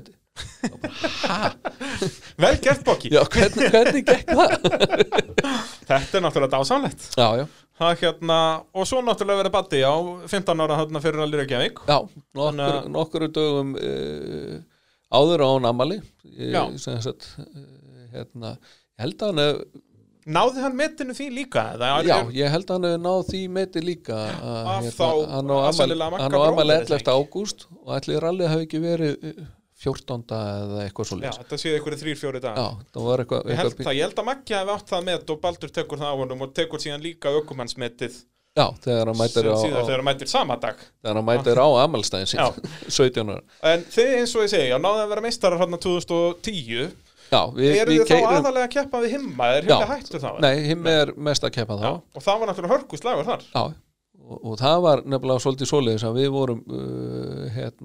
það að það aðeins mismunandi á, á milli leiða. Já, já, þetta er náttúrulega það mismunandi bílar. Enda, enda sem, sagt, þessi Honda sem að himmi var á þetta var gamall rallycross bíl Já, sem að hann skuttlaði ljósum í og uh, ég held með þess að hann hafi verið á orginal fjöðrun eða eitthvað já, allavega eitthvað svona inn á milli. Já, að þannig- það hérna og himmi náttúrulega, hann náttúrulega er konungur í að undirbúa sig þannig að hann náði nú að klára flest allar keppnir, sko, þó að hann væri á þessari hondu Já, og komin er alveg ótrúlega hrætt áfram Já, sko, já. og þetta svona skiptist á ef það voru eh, hraðar, eh, harðar, góða leiðar Já. þá var hann náttúrulega vel á undan en ef það var uh, gróft og leiðilegt þá, þá náðu tvingaminn að vera á Skriðdrekinn enda, góði, enda sko. líka eins og þetta uh, himmi á orginal fjöðrun og, og eitthvað svona sko. Akkurat, akkurat. En þetta var hörku keppni á milli sko, til dæmis uh, Rally Reykjavík hann á milli, ég held að það hefur klárast með, held að verið tíu sekundar Já, á milli okkar eftir Rally Reykjavík. Já. Þetta var bara svo lengi sem báður bíla voru í lægi að það, voru, það var þetta bara já. það er bara svo leiðis Svo verður þú náttúrulega afturmeistari með, með Andra 2011, er það ekki? Nei, er, Andri var hann ekki að keppa með þér? uh, sem Andri, Andri Stefánsson verður meistari Nei, nei, nei ég, hann var ekki að keppa með mér Nú, já, já, þá, þá Nei, var hann þú meistari veist, uh, þetta, Varst þú þá að skipta um kóara Já, vinstri? já, Þá það- byrjar Baldur væntanlega Já, þarna var uh, sem Baldur búinn að vera með mér Já. og á Sauðakróki 2012 þá uh, Um 2011. uh, Já, 2011 Já. Þá kaupið þið bleka. Þá kaupið við bílinn af Baldri Haralds vegna þess að þá var ég búinn að hugsa að tvingaminni er orðin svona svolítið sapgripur og að leifa stráknum að fara á tvingam í rall að þá verður hann ekkit neitt rosalega lengi til Já, er það ekki líka bara betra svona akstutlega séð að byrja á annarkvort framhjóla eða bíl? eins og, eins og ég hugsaði þarna ok, við skulum kaupa þennan Subaru og ef að þú keirir hann út af, veltur honum eðilegur hann, þá er til nóga svona Já, Subaru já, þú ferður bara að parta sölu 100 ásum kall og komið inn í en bíl, sko. Já, Þannig að, að það að meikar fullkominn sens Já, og, og ég- það kom líka alveg á daginn. tímdi ekki tvingam Nei, nei, og hann er líka bara í, í geimslu að gera gott mót. Já, já, ég, hann er ennþá til Já, og, já, og hérna og er ekki fara neitt. Neini, og líður bara vel Já. og þetta var með svo, svo kostulegt að ég fór sagt, eitt rall uh, með Gísla Akkurat. og fer síðan annar rall með Baldri og þriðja rallið með, með Hjalta Já. Þarna Og- var verið að finna kóara fyrir Baldur. Já, þannig var ég svona að pröfa hvernig, hvernig þeir væru Já. og svoleiðis og, og hérna Og þeir allir alveg hrikalegir þannig að þú fórst bara með Baldri. já, já sem sagt, með þess að að þetta var uh, þannig að, að já, fyrsta rally fer ég náttúrulega með Hjalta Var það svo leiðis? Var, það- var það ekki gísli sem fór fyrst? Nei, nei, með Gísla segi ég. Ég fer fyrsta rally með honum Þannig að það var ákveðið, ok, Gísli fer með Baldri. Já. Og svo þannig í mildtíðinu þá fer ég og Baldur rall Og síðan kemur uh, Rally Reykjavík, hann 2011 og Gísli ætlaði náttúrulega með Baldri og, að plana það. og, og þetta var svona svolítið kostulegt tveist rákar, bestu vinnir að fara að keppa saman og það þurfti náttúrulega að fara að skoða. Jú, jú. hvorugum með bílbró Já, þá náttúrulega út hann er æfingangstri. Já, að hann var náttúrulega bara með æfingagstur þannig ég var að fara að skoða líka. Já, bara, varstu, varstu bara aftur í þá? Já, bara aftur í Þa, Þetta slapp með mér sko, ég náði að fara með Magga bróðir, þú veist, ég var líka með æfingakstur sko, en það náttúrulega gekk ekki þarna þegar að, gísli var, eru þið ekki jafnaldrar? Jó, þeir eru jafnaldrar og, og, hérna, og Gísli ekki búin að taka bílpróf svoleiðis. Þannig að, ég var að sitja aftur í allan tíman og alla leiðir sem voru skoðar Frábært, fyrir heilt alþjóðaral, Já, þetta hefði heilt- verið mjög skemmtilegt. mjög, mjög gaman. Sérstaklega eh, í bílnum sem við vorum á að það var hérna bílum miðstöðin í guttanum. Já, frábært. Það var först á heitu. Oh. og það var svolítið heitt. Já, ekki trúið því. hérna, þannig að þetta var með þess að bara deginum eh, fyrir rall sem við vorum að skoða Já. fyrir austan. Og, og Gísli bara einfallega verið veikur Já, veist, fullt að hít í bílnum og annað og reyna að lesa í fyrsta skipti og svoleiðis og, og hann bara verið veikur. Og, og úr verður að, að hann er bara ennþá hundslappur daginn eftir. á já. fimmtudegin og við, þeir náttúrulega eru að fara saman í rall. Þannig að úr verður að, að það er skipt um aðstóra bara klukkutíma fyrir rall. Og ég fer með sem baldri sem að er bara einn skemmt og, skemmtilegast og besta lífsreynsla sem að ég hef haft Já. það er náttúrulega svolítið geggjað að, að faðir sem að er búin að ala upp svon í 17 ár hann fekk bílprófið og síðan fer faðirinn herri, nú skulum við fara í rall ætla að fara já, hérna. þú, þú ætla að keira hægt og róla en reynda að fara í 200 á þessum alveg Já. þannig að það er svona pínu, pínu skelka en er- það, já, já. það er kannski best að gera þetta svona að þar ertu með mesta öryggisbúnað sem þú getur Já, haft já. uh, með veltibúr og með hjálm og, og hérna í galla og allt þetta.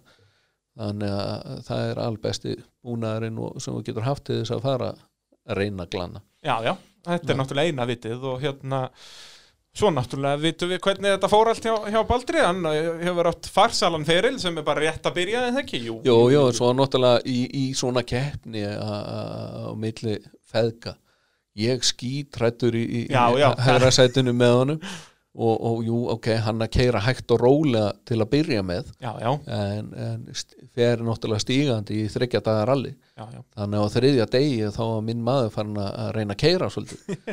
Og, og hann finnur sig alveg þokkalega vel á Kaldadal. Já, það sem að ég verð bara einfallega skítrættur í bílnum með hann og, og, segi stráknu bara að hægja á sér. Að við ætlum að klára þetta rall og hægða á þér og, og hérna, hann svona hlustar ekki alveg í byrjun. Nei, nei.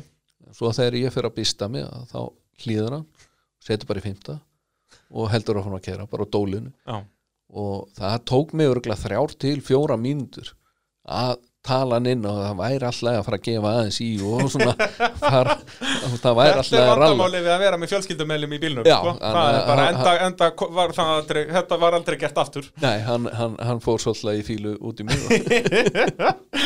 En við kláruðum Já, Þetta já, var, var, náttúrulega mjög góð reynslæði sarpinn þarna. Já, já, Það er bara eh, svoleiðis. 17 ára klára Klára 300 og eitthvað. Já, þriggja dagar ralli er náttúrulega alveg bara ótrúlegt að ná þessu og, og enda líka mjög góðu bíl Já, eðal bíl, ha, og er það endan dag í dag. Já, já, þú sér Það það, þetta, þetta er 2011 og þessi bíl er ennþá að kepa í dag Já, og hefur keft bara svo gott sem allar keppnir frá 2011, það er ekki eins og hann er búin að sitja inn í skúr allir sem ár, sko. Nei, nei, nei. Þannig að, hérna, eðal, eðal tæki. Svo náttúrulega gerur hann að Jóhönnu að Íslandsmeistar árið 2013, Í, Já, Jóhanna Björg hver með mér eina kepp dóttið þín. Já, og hérna það er söðakrókur sem við förum þarna 2013 Akkúrat.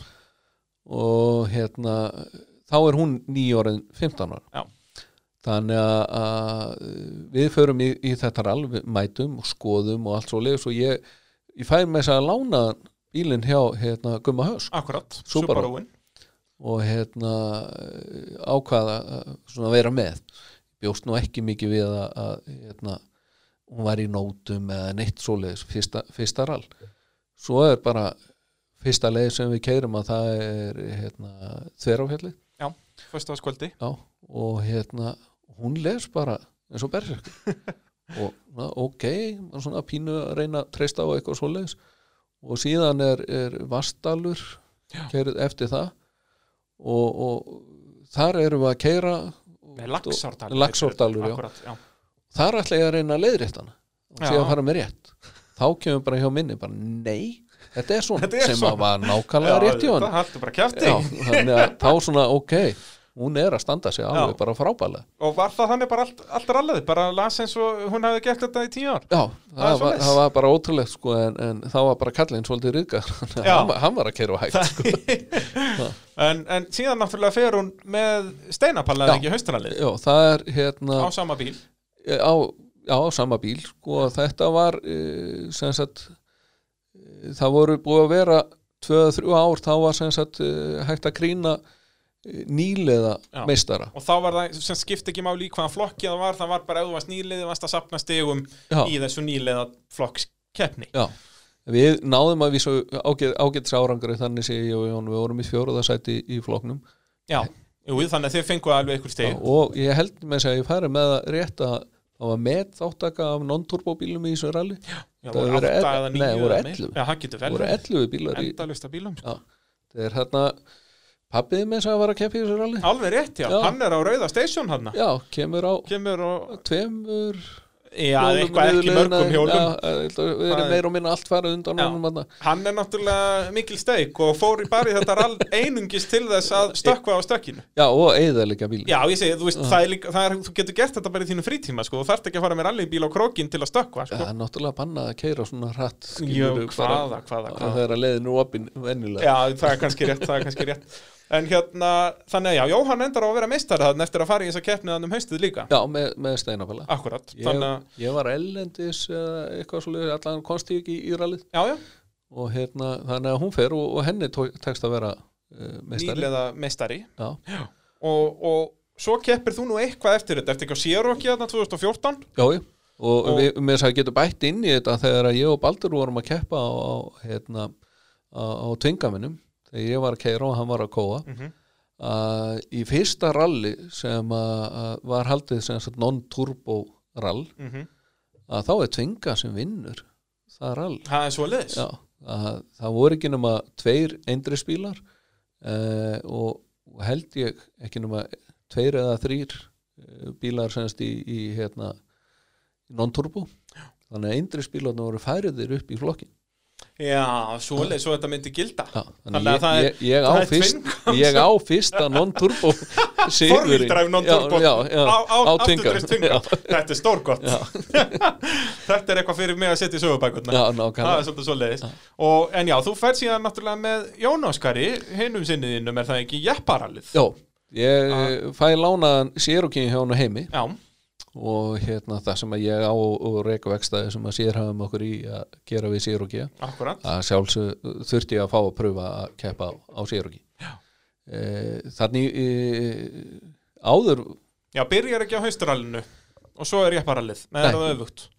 Ég fer e, fyrst, fyrst í, í hérna, jepparalið Já, og hérna það, það var náttúrulega svaka keppnið Mér finnst svo sorglegt að það er ekki keppt í almennilegum jepparallum. Já, þetta er nefnilega er svolítið skemmtileg uppsetning á þessu. Mhm. það er stránglega banna að skoða. Já, já. Og svo í þokkabót var verið að keira leiða sem ég aldrei kert Nei, nei, þetta var, þú veist, þetta var vissulega tröllal sem hefur kert, en svo alvöru leiðarnar sem voru sko akstustími og voru þrjúkorter á, það sem að sérleiðin var ekki nema 54 Já, já. kilometrar bara á geðveitt fyrst í og, hana, og, og bara geggja dæmi, því miður voru, voru þetta ekki bara einhver átta bílar eða eitthvað í keppninni? Já, þetta voru svolítið fái bílar og hérna uh, voru nokkri útlendingar og Já, já. síðan uh, nokkri íslendingar. Hvati var hérna Já, og, þau var og, og, og hérna voru ekki einhverju tomkattar Jó, líka? Darri var að keppa á einu tómgatt og síðan voru útlendingar á öðrum. Síðan voru útlendingar á, á, á hérna, Landróver hérna einhverjum, uh, sem sagt Pæro hérna, sem að, Þórður alveg rétt, já. smíða hérna, Já, og fyrir, fyrir blái viðbjós Landróverin með utan á líkjandi veltibúri. Já, já, já, það voru útlendingar á því. Já, já, og það náttúrulega vissi engi hvernig menn var að keira þannig að það var bara dregin út rásröð fyrir fyrstu leið. Já, ok bara hatturinn tekið fram og Já, svona er bara þetta. dreigð þannig að ég held ég hef verið ræstur sjötti eða eitthvað leis svo var ákveðið að uh, trölláls væri fyrsta leið síðan var ákveðin rásröðin Já, með við tíma á tröllal með tíma á trölláls uh, ég var ræstur eftir hérna, Tomcat Tomcat sem að- fram úr? Já, ég næði honum og fer fram úr honum. Á sko tröllal sem eru fjóri kilometrar eða eitthvað? Já, og uh, þegar að leiðin er að klárast þá er pæjurón rétt að detti í mark. Já, svo leiðis, þannig að þú ert að taka tvær mínútur að pæja Já, nánast. Þannig að jú, ok, ég náði besta tíma. Já, þannig að þú ræstir fyrstur þarna, eftir þetta. Já, Jón Óskar, við vorum náttúrulega flottir á því að hérna e, hafa með nótur og allt það. Já, af tröllháls en- tröllháls, en en hinu. náttúrulega ekkert á hinu. Nei, nei. og ég held að hann hafi náð tvemu beigum Nú, já, já, og hérna, svo datt hann út og við vorum að reyna að koma inn í nótur og, og jú, eh, hann komst inn í nótur þegar að kom skurður. Já. Þegar við keirðum já, já, hann í skurðin þá fann hann skurður.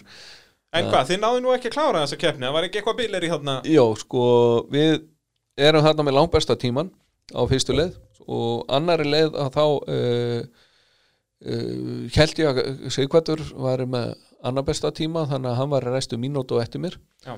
og leið sem ég var að keira í fyrsta skipti uh, fjöðrun ekki alveg nógu góð fyrir þennan, þetta var svolítið gróft og svona, eins og maður segir, jeppa Já, já, bara alvöru jepparalli. Og við vorum að passa okkur á að sprengja ég vitandi það að álveru fjöðurinn í, í bílinu hjá Kata og, og svona alltaf býðið eftir að hann myndi ná mér. Já. þá byrja söngur í bensídælinu alveg svo bíl fyrir aftan að flauta. Þannig ég var alltaf í speklunum að úst, það er bíl fyrir aftan. Svo, jú, svo líður og býður loksins og þá kemur Kati og fer fram mér. Já. Og mér tekst að uh, klára síðan þessa leið og kem annar út að leið. En því miður var Kati ræstur held í þriði eða fjóriði Já, þannig að hann tók einhverja fimm mínútur af mér á þessari leið sem að var soldi skellur. Já. En er náttúrulega Óli Sigur, hann hefur nú líka keft eitthvað erlendis í svona jepparöllum og eitthvað. Já, já, náttúrulega. Og á geggjuðum bíl. Já, já, og svo er næsta leið keirð og, og hún gengur alveg þokkala og aftur trölláls þá held ég að verið í öðru sæti og búin að vera saksa á kvata þannig að Já. maður svona sá að, að það væri pínu séns. Mm. og svo sagt, Aftur sama leið. aftur sama leið. Já, Þannig að þú þekktir þetta þannig að minn var bara að læra þetta allt sko. Já, alveg upp á tíu. Já, alveg upp á tíu þannig að það átti að keira mikið hraðar. Já. Alveg að koma svona yfir árfarveg sem ég glemdi. Og hvað fer það? Hvað, sprengið bara bæði afturdekkin Já, svoleiðis. Og eitt ekki í skottinu. Já, og bara 45 km eftir. Já, þannig að það var bara sniðuðast að stoppa bara. Já, eftir að vera, eh, við stoppum eftir að vera búin að gata bensintank og, og, og- og, svona meira og meira. Akkurat, þannig að það var ákveð að stoppa, þetta var árið gott sko. En svo náttúrulega prófaður Tomcat árið eftir. Já, svo þarna í mildtíðinni fer ég í haustaralli með Dóra. Akkurat, já. Þannig að Dómadal og Tungná og eitthvað. Já, og, og þá var akkurat sko, ég og Dóri um að fara að skoða og Já, svoleiðis á að fara að sigra heiminn Já, ég ætlaði bara einfallega að mæti ég þetta rall og vinna það. Já, já og ég bara á Cherokee og, og hérna þarna var Baldur, Haralds og STI og allt svona, ég ætlaði, ætlaði bara að vinna það alla sko. Já Og hvað, þú plaffið út af eða ekki á fyrstu leið? Jú, það er náttúrulega bara þannig að það er startað og beinikablinn og hérna ég stend Cherokee alveg eins flatt og hægt er Já. Og svo hérna þrumið hann út af. Þá svona fatta ég það að jú, Dóri er búin að lesa en ég er ekki búin að hlusta það bara, alveg, það bara blokkaraðist Já. alveg. Þannig að þið tapið ykkur um hvað, fimm mínútum eða eitthvað strax á fyrstu leið? En það hefur Dóri oft sagt við mig sko eftir þetta hann var að spája hætta að lesa vegna þess að hann, Já, hann fann það vissi. nákvæmlega að ég var ekkert að hlusta og, og ég var ekkert að keira eftir nótum. Og hérna jú við sprengjum tvö dekk og skiptum um annað dekkið og klárum leiðina upp yfir á einu sprungnu. Já. og erum náttúrulega komnir hérna langt, langt og eftir. En niðrittir tilbaka þá, þá náum við bara uh, þrjusu góðum tíma. Já, svona ágættist tíma. Ég, ég náði betri tíma enn þið og ég var orginal fjöðrund Já, þannig að ég var svona miðað við hvað hva, hva, Miða við allt og allt. Já, ég, þarna var ég ekki með neitt varadekk Já, þannig að þú vildir ekki fara að sprengja Já, ég vildi ekki fara að sprengja Nei, aftur. það var eiginlega bara ekki í búðinu Já, og síðan e, En þið klárir alveg, það Já, við förum Já, við förum, sem sagt Þetta var dómadalur drónirðir Já, svo er Síðan er tungnáin keir fjórusun Já. Og það var nú jeppa leið þarna. Er þetta ekki bara síðasta skiptið um tungnáin kerð? Nei, hún var nú eitthvað kerð þarna 15 og Já, 16 getur, getur verið að vera kerið eitthvað eftir þetta En, En hún var orðin helviti gróf þarna. Ekki, já, það, svolítið. Þannig að fyrr, fyrri ferðina sem við förum að þá náðum við alveg bara ágættis rithma Já. og, og á leiðin til baka. Og þá hérna, þá var maður farin aðeins á pælitímum og svona farin að hafa gaman aðeins og svoleiðis. Akkurat. og, og, og búin að sjá það heyrðu, ég er búin að vera að taka hérna af Darra. Hann var þá í fórustu á, á, á Tomcat og búin að vera að taka slatt á hann. Þannig að maður sá ok, ef ég keira aðeins aðar Og- já og get tekið af honum úst, eins og ég var að reikna held ég einu og hálfa mínútu hvora ferð. Já, þá ég komast fram fyrir hann. Þannig að það var ákveð að taka uh, næstíðustu ferðina á, á tungnáðinu bara alveg flatt átt og, og sem að við gerðum uh, gekk mjög vel og, og bara indislegt að keira þennan Cherokee þarna. Ég, þetta er dásamlegt apparat að keira og, og þessa leið náttúrulega var ég búin að keppa nokkur sinnum á Tvingam og, og, og, og þekkti þetta og, Þekktir veginn og nákvæmni vegarins. Já, ég náttúrulega. Og hann í byrjunin á leiðinu Já, en ekki já. hann í restina. Hérna, en, uh, En þú fórst að kynna þér það og það ekki? Jú, það var hann alveg í restin á, á leiðinni að þá uh, er þetta svona mjög hraður kabli uh, kemur yfir uh, hægri hérna, blind beigju og, og á tvingam þá, þá stendur hann náttúrulega bara í botni Já, þarna já, yfir. ekkert vandamál. Já, en Sérokíum var eitthvað pínu lítið hraðar en þetta var ennþá í hausnum á mér. Standa flatt, flatt- flatt já, að já. og kannski munurinn á því að þá tvingam að þá náður að vera á 110 en Já, til kannski- ekki náður að vera á 150-60 Já, þannig að hann vildi ekkit vera á einn. Þannig að ég náði náttúrulega enga veginn þessari beigju og fyrir lengst út á og onni í skurð og, og, og skoppa og inn á veginn aftur og, og næja næ að gýra niður og, klára leðina en það voru ekki nema þrjár beigjur já, eftir já, eitthvað þetta er bara alveg að nýjandan og hérna ég heldur með þess að fara rétt að ég hafi ekki tapað nema 8 sekundum á Baldur Haralds. Já, það, já, þú hefur farið svo helviti hratt í þessa beig já, já, já, í þessa beigju og kannski hinnar líka. Já, og hérna síðan fyrir við náttúrulega að skoða bílinn. Uh, dreifskafti, afturskaftið það er ennþá einhver staðar inn á tungna ég Já, það, við ég, höfum ennþá ekki fundið ég, ég það. hef ekki ennþá fundið það, Við þurfum að fara með svona, svona mæli, svona, svona játleitarmæli eða hvað þetta heitir. Og sprungin dekk og eitthvað meira og meira og, já, við náðum að tjasla bílunum saman og, og, hérna, og klára allavega. Já og, og, og það var hægt að læsa millikassan Já, þannig að það var hægt að keira hann í framdrif akkurat. Ég- Þannig að þannig lullið í, í, gegn. Já við klárum leðina Akkurat. Og við þurftum náttúrulega að koma honum í bæinn síðan líka. Já, já, þannig keiraði hann í framdrifinu allar leiðin í bæinn. Þetta ásamlegt. Já, vísu stoppu svona 20-30 sinnum á leiðinu og setja olíu á millikassa. Þannig að hann náttúrulega lag Hann- Já, já. Allt aftur úr Hérna, en hvernig er að velta Tomcat? Það er alveg indislegt Er það ekki? Já, sko Þú prófaðir það þarna vorið 2015 eða ekki? Já, við fá, ég fæ þennan uh, bíl lánaðan og, og platan andra makkinstri að fara með mér. Já, já, og, og hérna förum á honum semst í fyrsta rall. Þetta gengur alveg ágætla svona til að byrja með. Nema að það er svolítið vel doblað stýrið í, í Tomcat. Og, og, menn þurfa að keira svona svolítið slatta svona til að venjast í já. Eh, þetta er fínt og flott þegar þú ert að keira bara svona venjulega og, og ert ekkit en, en svo getur hann verið svolítið duglegur að missa afturendan Já, það er náttúrulega stutt á milli sagt, uh, ekki langur bíl eða þannig, hann er mjög Já. svona kassanlega bara þannig að, að, að það sem að gerist bara hann inn á djúpa vatni er að í tvist í beginum að þá hérna, slætar hann aðeins svo mikið og, og bara ósælu viðbröð er að ratta á móti og ósælu viðbröðin er að ratta x mikið. Jú, jú, en með dobluðu stýri þá er náttúrulega helmingi meira. Og bílinn tekur bara Já, já, Vinstri bara. Já, vinstri vingilbeigju hann inn á, meiri leið og, og, og bara veltón Það er gaman að því. Já, já, já, þetta var fínt og, jú, en þarna var í fyrsta skipti sem að, að bíl enda ekki á hjólun Já, þegar hann þú kannt bara velta tvinkan Já, Það er já með, til þess að láta lenda á Já, hjólun ég segi það, þú ert ekki nú að segja þú ert eftir að perfekta þetta með Já, já, já. Þú ert að gera þetta eitthvað tíman aftur bara Já, en þarna var svolítið kostulegt að jú, þarna var Guðmundur Höskosson vinnu minn Jú, jú. tildur nálægt og fleiri sem að, og náðu myndum Já, og heldur annað. betur, líka á internetinu Já, og svo, svo komuðu hlaupandi og hjálpa og, og hérna svo spyruðu hvort þú ætlum ekki að halda áfram Jú, það var nú kannski all lægi en það er sprungið þannig að við hérna ákveðum það að við skulum skiptum dekk. Þannig að við ætlar að hjálpa okkur og hleypa til og losa tjakkin og, og svo leiðis og réttir okkur og ég horfði á bílinn er á kvolfi, við skiptum um dekk fyrst. Svo, rúlu Svo við. Þetta meikar fullkomið sens. Nákvæmlega, það getur verið að tjakka nú Getur verið að tjekka hennu, gera þetta bara trabant stæl. Já, Þeir já. gera þetta alltaf svona á trabandinum Já. Sett hann bara á hliðina eða þurft að gera við. Þannig að við skiptum um dekkið Með bílinn á á Það er í fyrsta skipti í rálsjóðunni sem það hefur verið gert. Það ekki. Og allavega síðasta. Já, Svo snúa honum á við og ætlum að starta en þá er allt fast.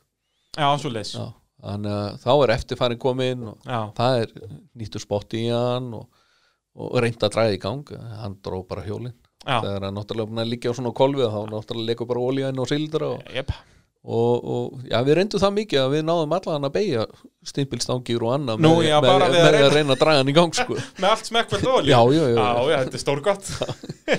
Uh, Þú keppir nú eitthvað meira en það ekki á sem tónkatt. Með miskoðum árangri. Já, það, við ákvæðum að fara síðan í næsta rall og eftir sem að, eða förum við sem sagt á Söðugrók Já, ég og Andri aftur. Og e, Ná, þið náðu að klára það já, við, svona, klárum það Og þá aftur sprakk og aftur nefnduðu ekki að skipta um dekk. Nei, nei, við vorum voru þarna á, á, Vesturdal á Vesturdælega og þar e, ætla ég að reyna að keira svolítið hratt. Já, já, og hérna og var líka búin að vera svona diskutera við þá að, að, með loftþrýsting í dekkjum og eitthvað svona. E, þeir náttúrulega búin að eiga þess að tónka með gata í 15 ár. Jú, jú og, og sagði að þyrfti að vera 40 pundi mér fannst það að vera allt og mikið. Já, já, það- þannig að ég vildi lækka. Og þeir svona nei, það er ekkert snöð þannig að jú, ok, það varð úr að við lækkum honni 30 pund ég held líka að ég hef meikað 2 km en leið þá er ég búin að sprengja. En þá voru- líka hugsaður með þér, heyrðu, það er fullt áhörundum hann hjá, hjá Anni Já, Það er bara að stoppa þar? Já, ég ætla ekki að fara út og Nei, stoppa. það er djúspjál og Já. maður og, og þá var líka bara herra fólki þar, gísli og fleiri þarna sem skiptu bara um dekki Já, nákvæmlega. Þetta er ekki flóki og konan var ekki líka þarna Jú, jú, og, og, og- eitthvað að krökkum. Það voru allir þarna. Þannig að þú þurftu vast bara inn í bíl Ég held að ég finn að hann taka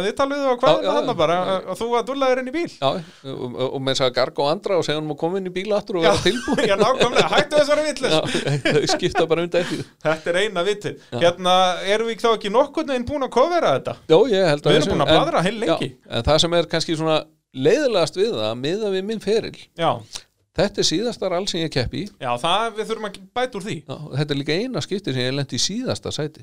Það er svoleiðis, þú endaðir í síðasta sæti. Síðasta sæti í Heyrðu, þessu Já, þetta verðum við að bæta úr. Já, það en hérna- Þetta er svolítið skellur. Já. En ég, ég ætlaði í eitt rall Já, Ég og Halldór Gunnar eh, skráðum okkur á tvinga minn í 35 ára afmæli alveg rétt, já. hérna BKR En þið rautuðu bara inn á sýninguna? Við komumst inn á sýninguna. Já, síðan kerði bílinn ánga uppi til tilbúin í keppni og allt saman. Já, já. Síðan eftir sýninguna þá hérna fer ég með hann heim. Og það urði einhverja smá gangtröflanir á leiðinni sem ég ákvað að- skoða ekki að mæta á bílnum með ekki. Sem var til þess að, hann hætti að fara í gang. Frábært. Og ég eitti einhverjum fjórum, fimm tímum í að spá speglera og eitthvað svona sem að þangur til að klukkan var orðin eitt um nóttina, á bara ok, þetta er flott bara fann heim. Nei, sem, sem er mjög gott vegna þess að, að Dóri var e, það var ekki langt um liðin að hann hafi lent í bílslýsi Já, og svona eh, var ekkit allt og góður í hálsi. Já, þannig ég hef alltaf sagt að, að það er eins gott að tvinga minn hafið þið vit fyrir okkur.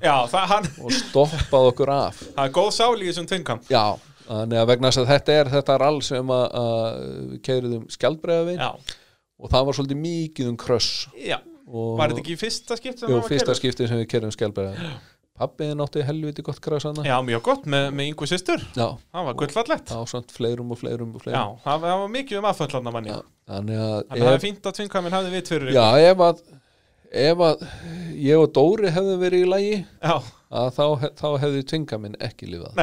Þannig að hann hafði alveg vitt fyrir Já, já, þetta er mjög gott, vel gert hjá tvingamnum Já.